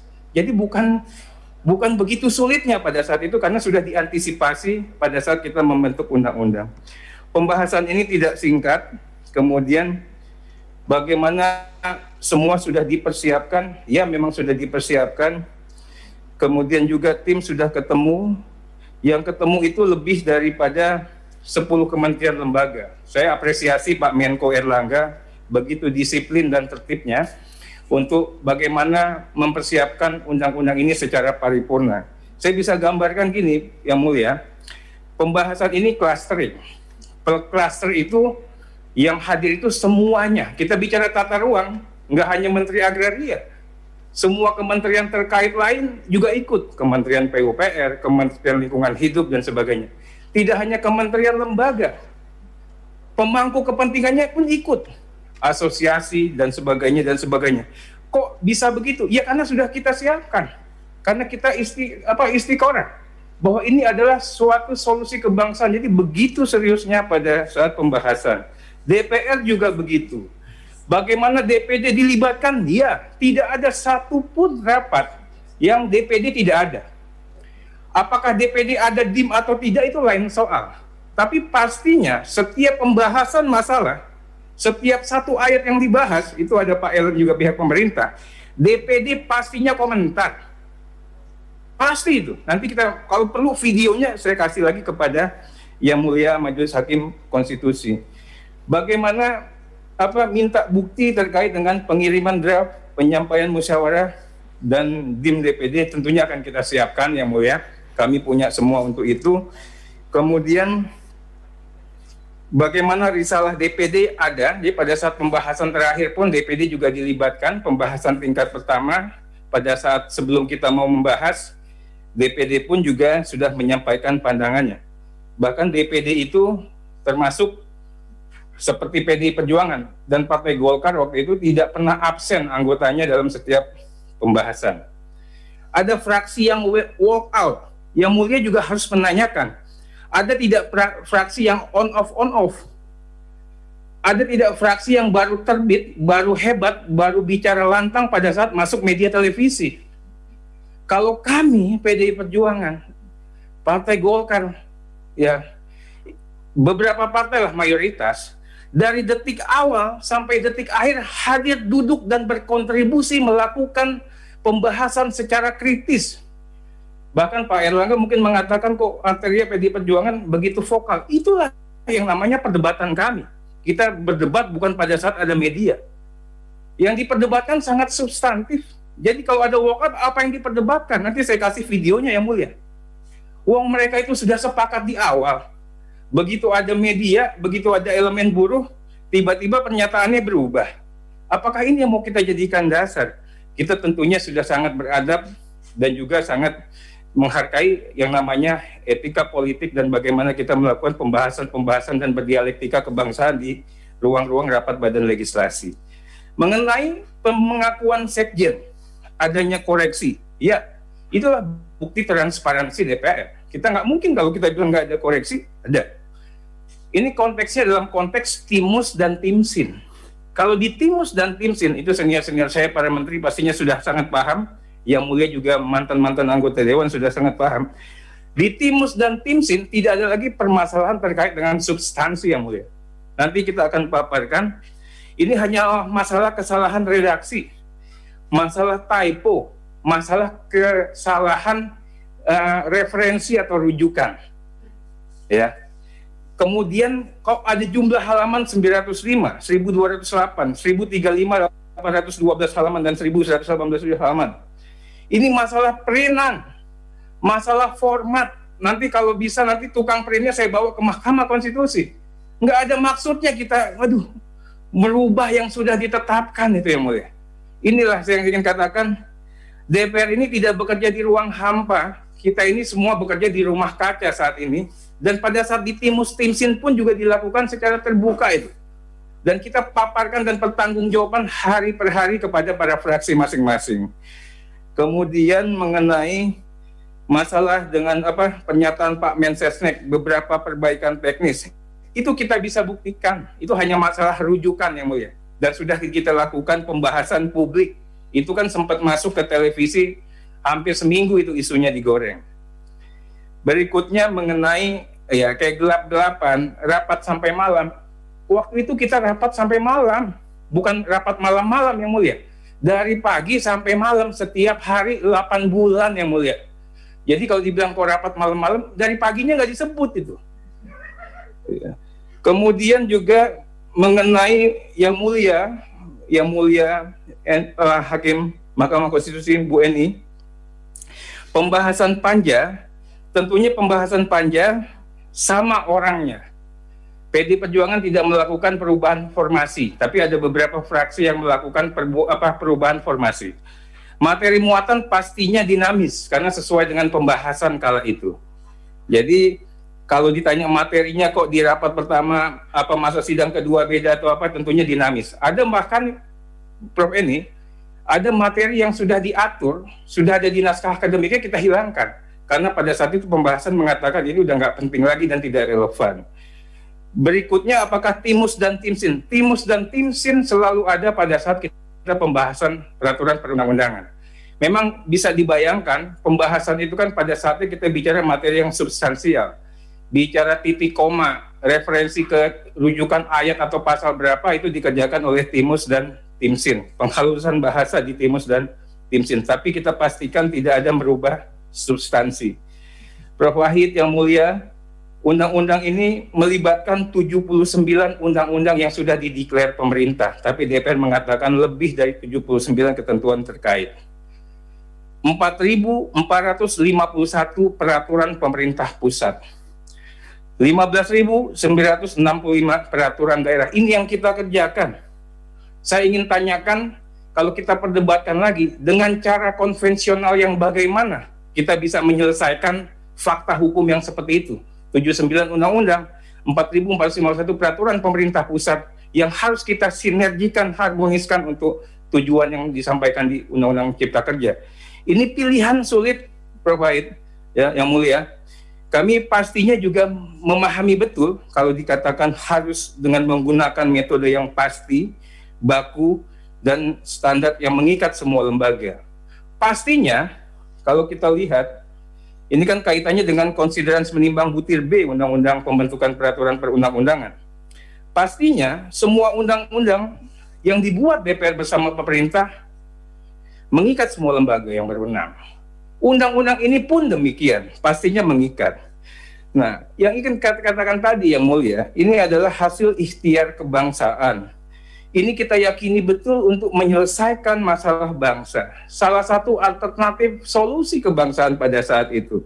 Bagaimana kemudahan berusaha, perbaikan iklim investasi, percepatan proyek strategis nasional, dan dukungan terhadap kooperasi UMKM yang kita yakini akan apa? Membuka lapangan pekerjaan baru karena kita juga tidak bisa, tidak harus keluar daripada yang dikatakan Pak Menko tadi. Kemudian dalam waktu yang cepat, ya enggak cepat-cepat banget ini. Kita bahas juga begitu lama. Dan kalau tidak dengan metode ini, saya ingin katakan dengan metode apa lagi kita bisa selesaikan. Kementerian dan lembaga sudah punya isus yang sudah bisa, yang sudah diidentifikasi dan sudah pula ada apa solusi alternatif redaksi perbaikan. Jadi pada saat kita bahas, ini hebatnya Pak Jokowi, Pak Menko kita, kita hadirkan perubahan sudah diusulkan draft perubahannya merubahnya kenapa? Kenapa harus dirubah? Rasio legisnya pun juga sudah. Jadi memang relatif lebih cepat yang mulia pada saat pembahasan itu. Berikutnya bagaimana dengan peraturan pelaksanaan atau peraturan atau beli turunan tadi sebagaimana yang saya ke, tur, apa, sampaikan Pak Wahid ini sudah kita sampaikan pada saat kita bahas undang-undang kementerian lembaga anak buahnya Pak Menko Erlangga ini Begitu kita rubah satu pasal, PP-nya pun juga langsung kita sinkronkan untuk dirubah. Jadi begitu lahir dia omnibus, kita bisa yakini betul kok PP-nya dalam 30 hari atau maksimal tiga bulan bisa kita selesaikan. Dan faktanya kan bisa kita lihat seperti saat ini. Apakah pertanyaan yang mulia tadi, metode ini metode yang pasti, metode yang baku, metode yang standar? Ya, ini metode omnibus, metode yang baru. Pastinya DPR akan ngomong seperti itu. Bicara pasti, iya. Kalau diketemukan fakta yang serupa, permasalahan yang begitu kompleks seperti saat ini, overlapping regulasi, obesitas regulasi, kita akan pastikan akan pakai cara omnibus. Yang ini mungkin sudah kesepakatan DPR dan pemerintah. Apakah baku? Mungkin saja. Tapi DPR bersama pemerintah selalu ingin semuanya itu perfect, sempurna, tanpa celah, tanpa catat. Kalau kita katakan baku, untuk saat ini mungkin kita bakukan. Tapi kalau kita temukan formula lain yang lebih bagus, tentunya kita akan lakukan pilihan yang lebih bagus yang mulia. Mengenai apa yang mulia Daniel, stakeholders. Yang mulia, stakeholdersnya sangat banyak. Itu ruang badan legislasi saja, walaupun masa pandemi COVID, isinya dari kementerian lembaga aja udah banyak sekali. Kita bicara yang saya katakan tadi, kita bicara UMKM, tidak hanya kementerian UMKM yang hadir, banyak kementerian, Kementerian Perdagangan hadir, Kementerian Perindustrian hadir. Beberapa kementerian yang kita pikir tidak terkait dihadirkan oleh Pak Menko. Sehingga tidak ada pertanyaan atau tidak ada isu yang tidak terjawab dan tidak terselesaikan. Jadi banyak banyak. Sangat banyak. Nanti kita kasih list yang hadir pada saat pembahasan. Yang diundang pada saat bicara per klaster pun akan kita hadirkan apa yang mulia Daniel. Kemudian saya bisa pastikan pembahasan ini melibatkan ribuan orang, ratusan kelompok, asosiasi dan pegiat. Yang mulia Profesor Arif, pastinya kami akan lengkapi dari sisi substansi. Terima kasih Prof. Prof sudah memiliki niat baik. MK tadi akan memisahkan pengujian formil, pengujian material, dan bahkan juga ada pengujian formil dan material. Saya pikir ini pengayaan dan mungkin juga semacam hadiah bagi para pencari keadilan yang datang ke Mahkamah Konstitusi. Yang mulia pastinya kita akan taat, kita akan disiplin, tapi kalau boleh memohon yang mulia, saya ini kan masih prajurit, disuruh-suruh terus, jadi kalau boleh sidangnya itu bisa nggak jam 14 ke atas yang mulia. Kalau boleh yang mulia, karena pagi-pagi itu pastinya udah banyak perintah dan banyak yang nyuruh yang mulia. Berikutnya, DPR sudah mempersiapkan keterangan tertulis sebenarnya yang mulia. Tapi dengan adanya ini kita akan lengkapi. Saya pun membacakan yang tertulis tadi yang mulia. Dalam konteks summary yang lebih kita persingkat lagi. Mengenai bukti sedang kita siapkan, saya akan minta paling tidak akhir minggu ini bisa kami berikan kepada mahkamah. Prof. Arif yang mulia, saya berharap juga persidangan ini memang persidangan terbuka, transparan, fair, dan kalau boleh kami berharap persidangannya tidak online, kita bisa bisa offline. Jadi betul-betul saya berharap kami akan bekerja keras untuk meraih keyakinan mahkamah bahwa apa yang dikerjakan oleh DPR bersama dengan pemerintah tiada niat lain selain bagaimana membuat peraturan perundang-undangan yang sebisa mungkin sempurna dan taat asas. Yang mulia Profesor Soehartoyo dalam pengujian formil sepakat Pak Soehartoyo yang mulia, kami akan membuktikan sekaligus juga mematahkan dalil-dalil daripada pemohon. kami juga siap pastinya ingin apa memperlihatkan bahwa apa yang didalilkan itu banyak bohong atau tidak benarnya. Kalau ditanyakan partisipasi publik, saya kasih contoh untuk tenaga kerja, sahabat, keluarga kami, teman-teman pekerja yang mulia. Saya pikir pembahasan klaster ketenaga kerjaan ini luar biasa hebat sepanjang sejarah saya menjadi anggota badan legislasi yang mulia. Kenapa itu? Eh, teman-teman pekerja ketemu presiden aja kalau nggak salah dua kali, Pak. Ketemu apa Menko Polhukam kalau nggak salah dua atau tiga kali. Saya punya daftarnya. Ketemu Pak Menko Erlangga pun tiga atau lima kali. Saya nanti Pak Erlangga bisa sampaikan. Ketemu Ibu Menaker mungkin 13 kali atau berapa belas kali. Ketemu DPR nggak usah disebutin Pak, setiap hari ketemu. Intinya begini yang mulia, ya tidak ada satupun keinginan teman-teman serikat pekerja yang titik komanya dirubah. Ini biar saya katakan jujur apa adanya yang mulia. Titik komanya nggak dirubah. Dia bawa draft, draftnya pun dihadirkan. Yang berubah yang mana? Hanya dua isu. Apa itu? Isu yang namanya upah, ya. Kemudian yang namanya pesangon upah memang seolah-olah turun dari 32 apa kali eh pesangon ya dari 32 kali upah menjadi 25 tapi kepikir nggak? 32 kali upah yang mulia. Yang mengerjakan yang mengeksekut itu hanya 7 persen. Itu perusahaan-perusahaan kayak saja. Sisanya nggak pernah ada yang menjalankan undang-undang itu secara 32 kali upah. Yang dihadirkan RU ini sangat revolusioner dan progresif. 19 kali upah pasti. Kenapa dijamin pemerintah. Eh, dia pengusaha. Enam itu dari pemerintah. Nah, bagaimana kalau pengusaha tidak? Sudah saya kurangi, kamu menjadi 19, nggak bayar juga, kami bisa pidanakan. Inilah kepastian hukumnya yang teman-teman buruh harusnya melihat. Kemudian yang kedua, mengenai upah minimum sektoral yang diributkan. Kita punya 514 kabupaten kota. Yang pakai UMSK itu hanya 40-an yang mulia. Itu pun di kota-kota besar. Masa sih kita fokus kepada yang 40 ini ketimbang yang banyak sekali. Makanya base-nya adalah upah minimum provinsi yang kita pastikan setiap tahun akan naik sesuai dengan kebutuhan dan kekuatan dunia usaha bersama dengan apa uh, capaian kinerja daripada pekerja. Kan kita nggak bisa paksain, kita tinggiin upah pengusahanya nggak sanggup juga nggak bisa. Tapi kepastiannya adalah akan merayap ini akan naik, tapi berdasarkan base-nya adalah upah minimum provinsi. UMSK kalau kita mainkan terus dan UMK yang mulia, ini akan jadi produk politik. Tiap mau pemilu, pilkada, semua bupati bilang bebas UMK. Tapi setelah itu ada yang nggak bayar UMK-nya, ada yang tidak memenuhi. Setelah itu juga bupatinya nggak tanggung jawab. Buruh juga resah. Ini yang kita coba hindari. Kepastian hukumnya harus segera kita kita dapatkan yang mulia. Nah, mengenai masalah yang lain, semua ketentuan ketenaga kerjaan yang dikehendaki oleh teman-teman pekerja, insya Allah sudah kita akomodir yang mulia. Mudah-mudahan itu bahasa singkatnya kami akan tuangkan begitu detailnya nanti dalam keterangan tertulis DPR dan pastinya DPR RI mendengar apa yang disampaikan, apa yang dikeluhkan oleh rakyat. Kita tidak akan Ibu Puan Maharani pimpinan kami mengatakan jadikan rakyat sebagai epicentrum gerakan dan kegiatan DPR. Mudah-mudahan dalam pembentukan Undang-Undang Ciptaker ini kita sangat patuh dan disiplin untuk itu yang mulia. Terima kasih. Wassalamualaikum warahmatullahi wabarakatuh. Waalaikumsalam. Ya, terima kasih Pak Arderia sudah hampir komprehensif itu tambahan penjelasan dan nanti dituangkan secara tertulis dalam tambahan uh, keterangan tertulisnya supaya lebih komprehensif lagi.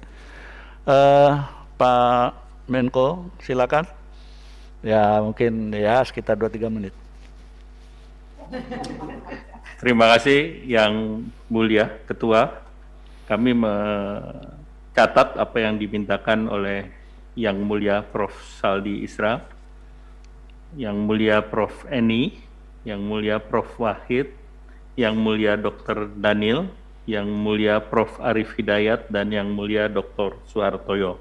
Seluruhnya akan kami lengkapi secara tertulis Yang Mulia sehingga tentunya uh, diharapkan ini akan melengkapi dan juga menjawab apa yang dimintakan oleh pemohon, termasuk dengan kelengkapan bukti-buktinya. Demikian yang mulia, kami mengucapkan terima kasih atas uh, kesempatan pada sidang yang mulia pada siang hari. Terima kasih. Terima kasih Pak Menko. Kemudian eh, kuasa Presiden mengajukan alat bukti ada 148 ya. PK 1 sampai dengan PK 148 dan semuanya sudah diverifikasi. Ya. Nomornya itu sampai 149 tapi yang 128 itu uh, double. Jadi sisa 148 PK 1 sampai dengan PK 148 129 seharusnya tertulis tetapi yang jumlah uh, aslinya sampai 148 benar ya kuasa presiden Pak Erlangga Betul yang mulia. Ya. Jadi yang ditulis 149, ya. bukti 128 dikembalikan uh, karena sama dengan bukti 127, maka jumlahnya menjadi 148. Baik. Demikian yang mulia. Ya, sudah diverifikasi dan dinyatakan sah. Untuk para pemohon, seperti yang disampaikan oleh Yang Mulia Prof. Saldi mengenai ahli dan saksi, kalau bisa ya memang haknya sih mau mengajukan berapa saja tapi ini karena kita uh, berpacu dengan waktu ya majelis menawarkan untuk pemohon 91 103 105 107 kemudian untuk perkara tahun 2021 nomor 4 dan nomor 6 bagaimana silakan izin yang mulia ya, kuasa hukum pemohon Kuasa hukum perkara 91. Ya, silakan. Ya, terima kasih Yang Mulia. Uh, saya Victor Satu Sultandiasa dari perkara nomor 91 selaku kuasa hukum. Uh, dari kami kuasa hukum 91 uh, eh, mohon izin sedikit Yang Mulia, ada beberapa hal yang ingin mengkonfirmasi terhadap apa yang tadi disampaikan oleh Yang Mulia uh, Prof Arif dan Pak Soehartoyo. Yang pertama, begini begini kalau nanti, memang nanti dulu, ini nanti dulu jadi tidak ada forum konfirmasi bagi pemohon untuk ke baik pada majelis hakim. Sekarang apakah pemohon mengajukan ahli atau saksi itu dulu? Ya, kalau untuk itu kami uh, dari perkara 91 mengajukan uh, dua ahli yang mulia. Dua ahli, ya. Baik. Ya, dua ahli. Izin yang mulia. Yang mulia, izin perkara 107 yang mulia. Sebentar, satu-satu, iya. Jadi untuk 91 dua ahli. Ya sekarang 103. 107 yang mulia izin. Perkara 103 berapa ahli? Uh, yang mulia terima kasih. Dari perkara 103 kami akan konsolidasi dengan pihak di per perkara nomor lain. Kasih yang mulia. Oh gitu ya. Baik. 105 mohon izin mohon izin yang mulia ya. dari perkara 105 kita ya. mengajukan satu orang ahli satu ahli ya ya baik ya, ya.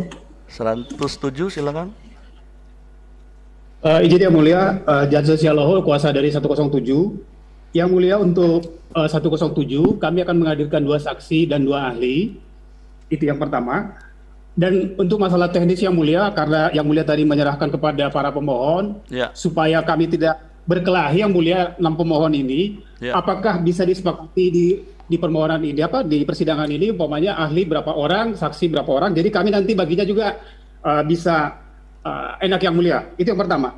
Ya. Terus yang yang kedua yang mulia, karena kami juga mempersiapkan ahli kami dan uh, saksi kami tentunya juga kami hubungkan dengan permohonan kami dan keterangan pemerintah dan DPR untuk itu yang mulia sebelum uh, pemeriksaan ahli dan saksi, kami mohon melalui yang, uh, yang mulia agar kami mendapatkan salinan keterangan pemerintah dan keterangan DPR.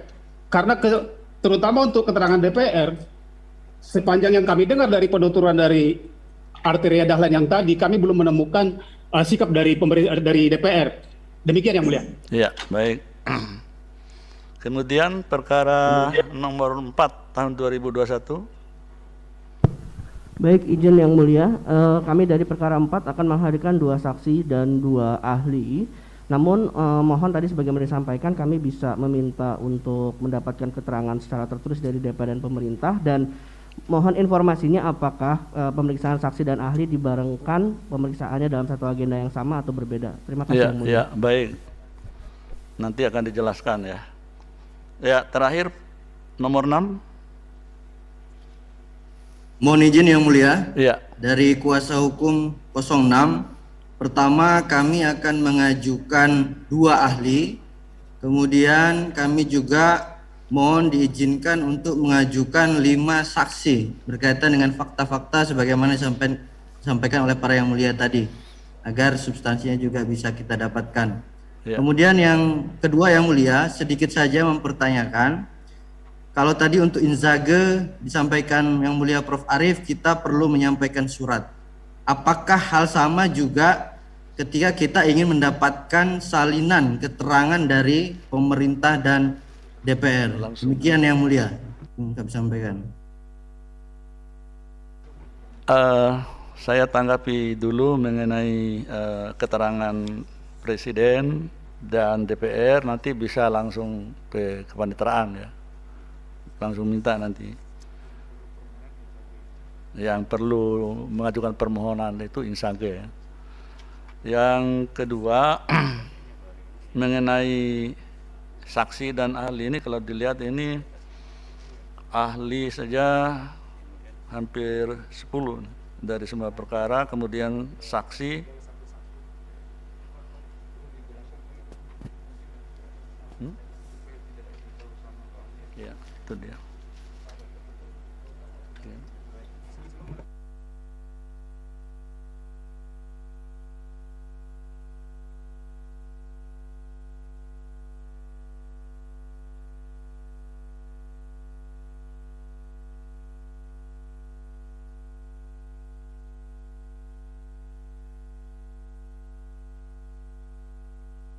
Eh, terima kasih Pak Ketua yang mulia. Ini para pemohon begini ya.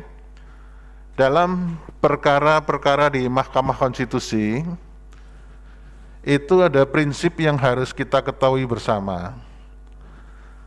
Yang harus Anda ketahui bersama adalah begini.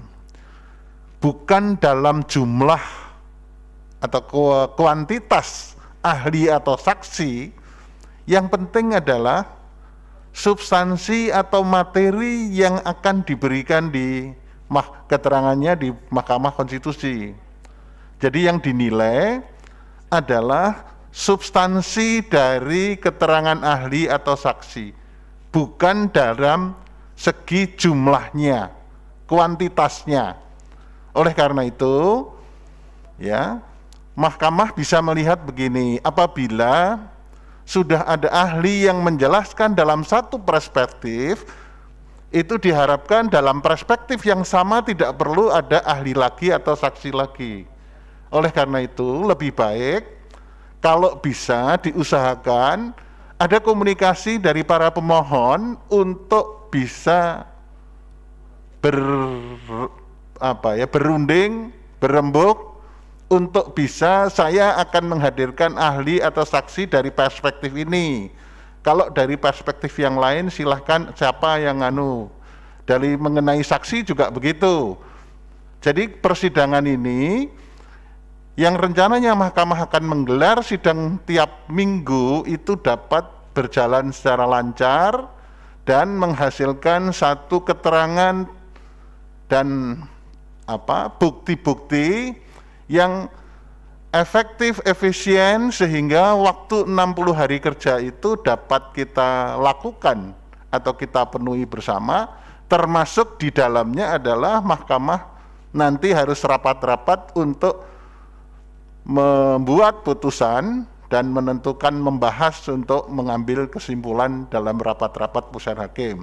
Jadi kita harus betul-betul membangun satu sistem, satu proses yang fix. Jangan dalam pengujian formil ini jangan terlalu berpanjang-panjang, tetapi semua bisa terpenuhi rasa kepastian hukum, rasa keadilan semuanya bisa dipenuhi oleh kita semua dan menjadi bangunan pengujian formil yang mulai kita kembangkan bersama-sama. Terima kasih Pak Ketua. Ada tambah? Hah? Ya, silakan siapa yang mau bicara? Victor, Pak Victor. Silakan. Ya, terima kasih, terima kasih yang mulia. Uh, kalau misalkan di, diminta uh, untuk kami berkoordinasi, tentunya kan kami membutuhkan waktu yang mulia. Artinya tidak bisa ditanyakan hari ini kalau begitu untuk uh, jumlah ahlinya. Tapi kalau dari kami, ya uh, memang sudah mempersiapkan ada dua ahli yang uh, memiliki uh, sudut uh, apa namanya keahlian yang berbeda. Artinya untuk me me meyakinkan bahwa kedaya gunaan atas Undang-Undang Cipta Kerja ini dan juga terkait dengan perat, uh, pembentukan peraturan perundang-undangan yang jelas-jelas sudah berubah. Itu yang yang pertama yang mulia. Lalu yang kemudian yang kedua kami juga memohon karena tadi juga kan disa disampaikan ada uh, apa uh, hukum acara yang berbeda di mana kita berhadapan-hadapan dan dalam hal alat bukti tentunya dalam uji formil ini sangat kita ketahui bersama sulit sekali bagi pemohon mendapatkan alat bukti.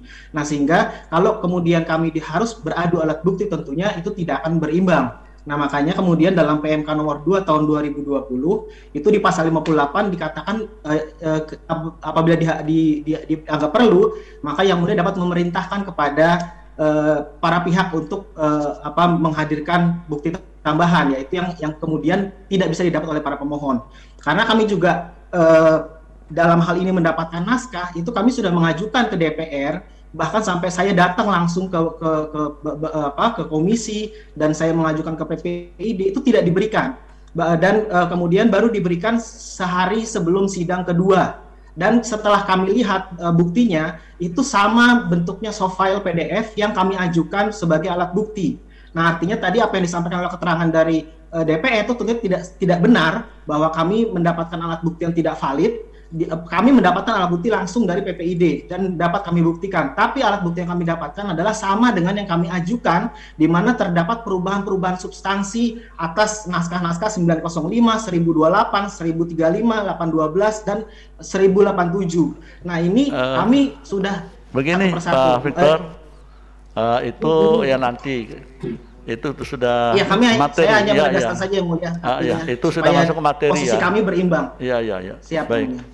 Silakan yang mulia Prof. Saldi. Terima kasih Pak Ketua. Begini ya para pemohon, kami tahu bahwa soal uh, menghadirkan ahli dan saksi itu kan hak pemohon, hak pihak-pihak yang hadir. Tapi kalau memungkinkan nanti saudara melakukan konsolidasi setelah sidang ini, lalu di sidang berikutnya eh, apa namanya ahli kan dari pihak saudara. Nah nanti atau besok pagi itu bisa sudah bisa disampaikan kepada mahkamah siapa ahli yang disepakati bersama. Ya kalau bisa empat ahli untuk semuanya kan sudah cukup. Toh formal itu kan sudah jelas siapa yang mau dijelaskan secara teori. nah begitu, itu satu hal. Jadi nama yang disepakati bersama nanti besok disampaikan ke mahkamah sehingga dua hari menjelang menyampaikan keterangan ahli, keterangannya sudah disampaikan ke mahkamah karena sidang berikutnya kan akan disebutkan di ujung sidang. Itu satu. Tapi kalau memang tidak bisa dihindari, berebut mau kontes ahli, ya kami juga tidak bisa melarang. Tapi kita berupaya seefisien mungkin. Itu satu hal. Tadi Pak Soeharto sudah menyampaikan ini kayak kasus konkret.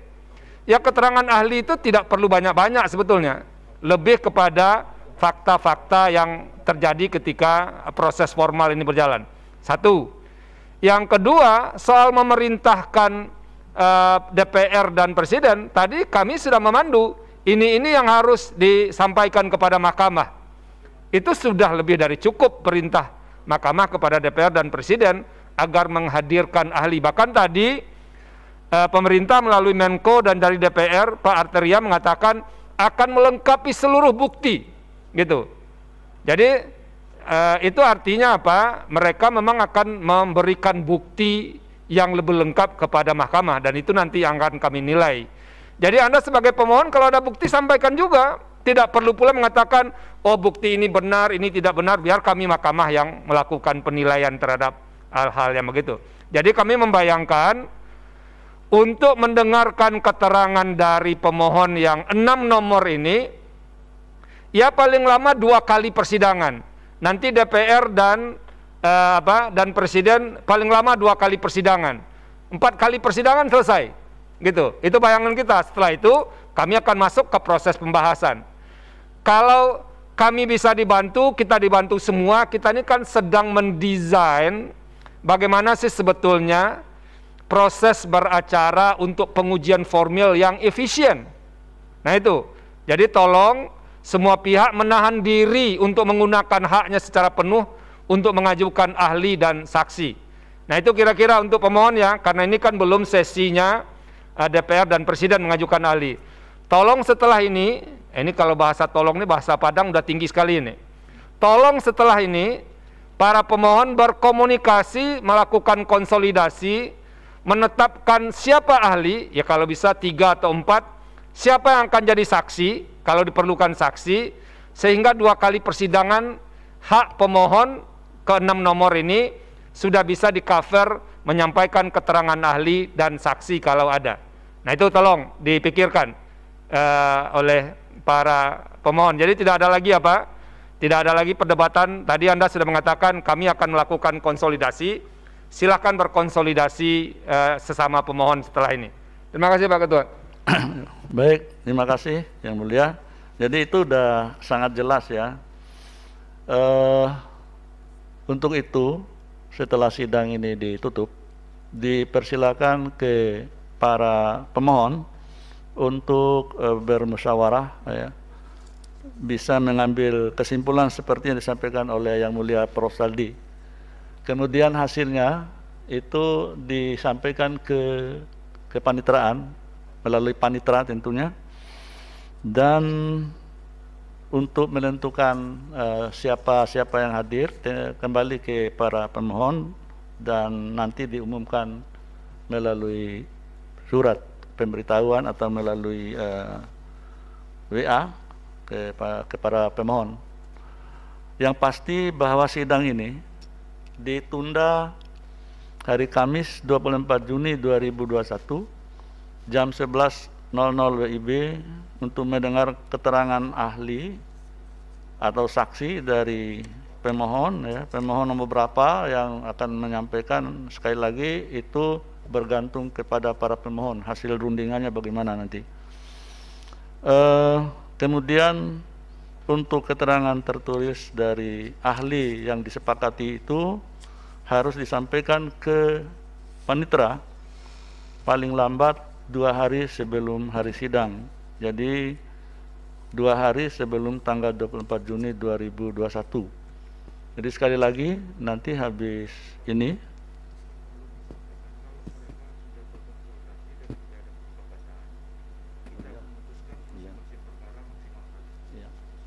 untuk ahlinya, desaksinya juga untuk satu perkara? Iya. Ya, baik. Jadi ada keterangan tambahan sekiranya tapi mudah-mudahan ini tidak terjadi gitu ya. Sekiranya tidak ada kesepakatan di antara para pemohon, maka mahkamah memutuskan masing-masing perkara hanya satu ahli dan dua saksi. Sekali lagi mudah-mudahan ada kesepakatan dari eh, para pemohon untuk efektivitas dan efisiensi. Jadi sudah jelas ya. Cukup ya. Cukup. Mohon izin yang mulia. Ya. Yang mulia mohon dari, dari perkara 105. Dari berapa? Uh, kalau dari 105, 105. Ya, ya, ya, memang ahlinya satu kan? Ya. Ya, betul. Ya, baik. Uh, mohon izin jikalau kita harus berkonsolidasi terkait masalah ahli dan tentu tempat kita ini kan tidak sama-sama di Jakarta semua mungkin. Apalagi kondisi pandemi yang saat ini juga sedang meningkat gitu. Maka bisa tidak kita meminta waktu dua minggu untuk ahli ini jikalau kita harus berkonsolidasi? Terima kasih yang mulia. Jadi begini itu kan teknis saja kan bisa teknologi seperti sekarang kita berjauhan. Nanti saling berkomunikasi saja gitu ya jadi ini kan untuk untuk pemohon juga untuk majelis ya untuk untuk rakyat Indonesia lah. ya. Dan sekali lagi kalau masalah teknis itu bisa dilakukan seperti sekarang ini. Bisa secara online.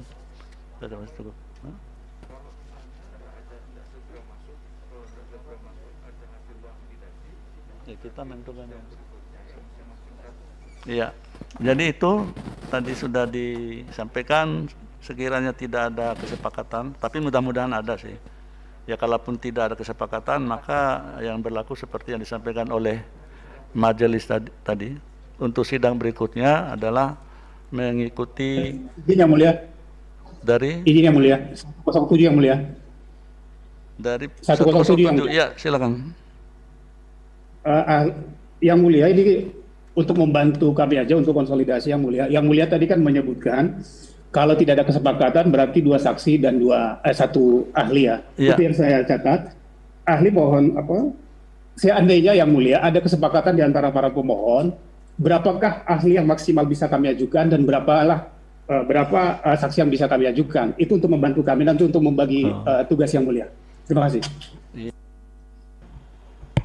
Begini maksimal enam ya, tapi kalau bisa kurang itu lebih baik. Itu satu. Yang kedua, saksi itu maksimal tiap perkara itu dua. Kalau bisa dikurangi itu lebih baik. Tapi perlu diingat, waktu untuk mendengarkan keterangan ahli dari pemohon dan saksi dari pemohon hanya dua kali persidangan. Dua kali persidangan. Dan waktunya itu pun kita mulai pukul 11, selesainya bisa pukul 1 jadi ada sekitar dua jam atau dua jam lebih lah. Nah tolong itu dipertimbangkan. Jadi anda berembuk lah kan cuma enam kelompok ini berembuk pemerintah aja banyak itu menteri-menterinya bisa berembuk itu. Itu. Jadi uh, kita saling membantu, saling membangun model baru yang sekarang sedang kita uh, apa namanya? sedang kita desain untuk kebaikan kita bersama. Terima kasih Pak Ketua. Jadi begitu udah jelas ya. Ya silakan. Yang mulia. Da, dari 103 yang mulia. Iya. 103. Iya, iya. Silakan. Uh, yang mulia mohon penjelasan apakah terhadap saksi atau ahli yang dihadirkan pihak lain dapat ditanya oleh pihak oh, iya. dalam perkara yang lain atau hanya misalnya 103 yang menghadirkan saksi atau ahli yang bertanya terhadapnya hanya dari 103 apakah diperkenankan dari eh, pihak perkara lain? Demikian yang mulia. Ya silakan yang mulia Pak Surto ya. Pertanyaannya bagus tapi sebenarnya sudah praktek lama dipraktekkan Mahkamah Konstitusi dalam pengujian undang-undang. Ketika ada penggabungan perkara hanya pihak pemohon yang mengajukan perkara eh, ahli itu saja yang kemudian berkepentingan dengan ahli yang dihadirkan tapi kalau pemerintah dan DPR dan kemungkinan kalau ada pihak terkait tapi dalam perkara ini kan tidak ada pihak terkait itu dimungkinkan diberi kesempatan untuk bisa mempunyai akses mengajukan pertanyaan terhadap ahli yang diajukan oleh salah satu pemohon itu. Tapi untuk pemohon-pemohon yang lainnya tidak ada relevansinya untuk diberi kesempatan mengajukan pertanyaan untuk ahli yang diajukan oleh salah satu pemohon di antara enam pemohon ini. Itu Pak Ketua, terima kasih. Baik, sudah jelas ya, itu praktek yang terjadi selama ini, yang dilakukan ya. Sudah jelas ya. Semoga ada titik temu di antara pemohon. Ini kan untuk kepentingan bersama. Jadi enam pemohon ini nggak ada kepentingan yang saling bertolak belakang. Kepentingannya sama. Cukup ya? Ya, cukup. Baik, dengan demikian sidang selesai dan ditutup. Sudah, sudah. Jadi sekali lagi sidang berikutnya hari Kamis 24 Juni 2021 jam 11.00 WIB. Dengan demikian sidang selesai dan ditutup. Hadirin dimohon berdiri. Yang Mulia Majelis Hakim Konstitusi Terima kasih untuk para menteri persidangan. yang saya hormati.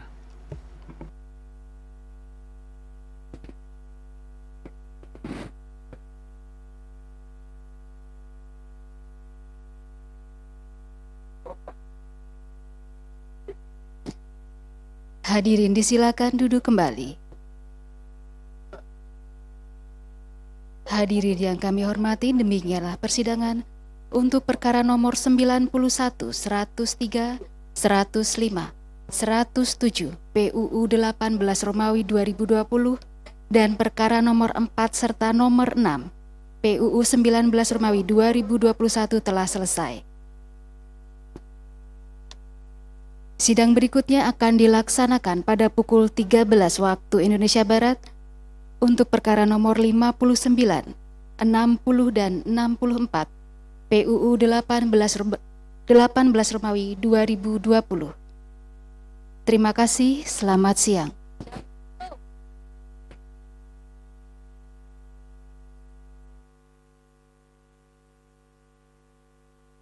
Wow.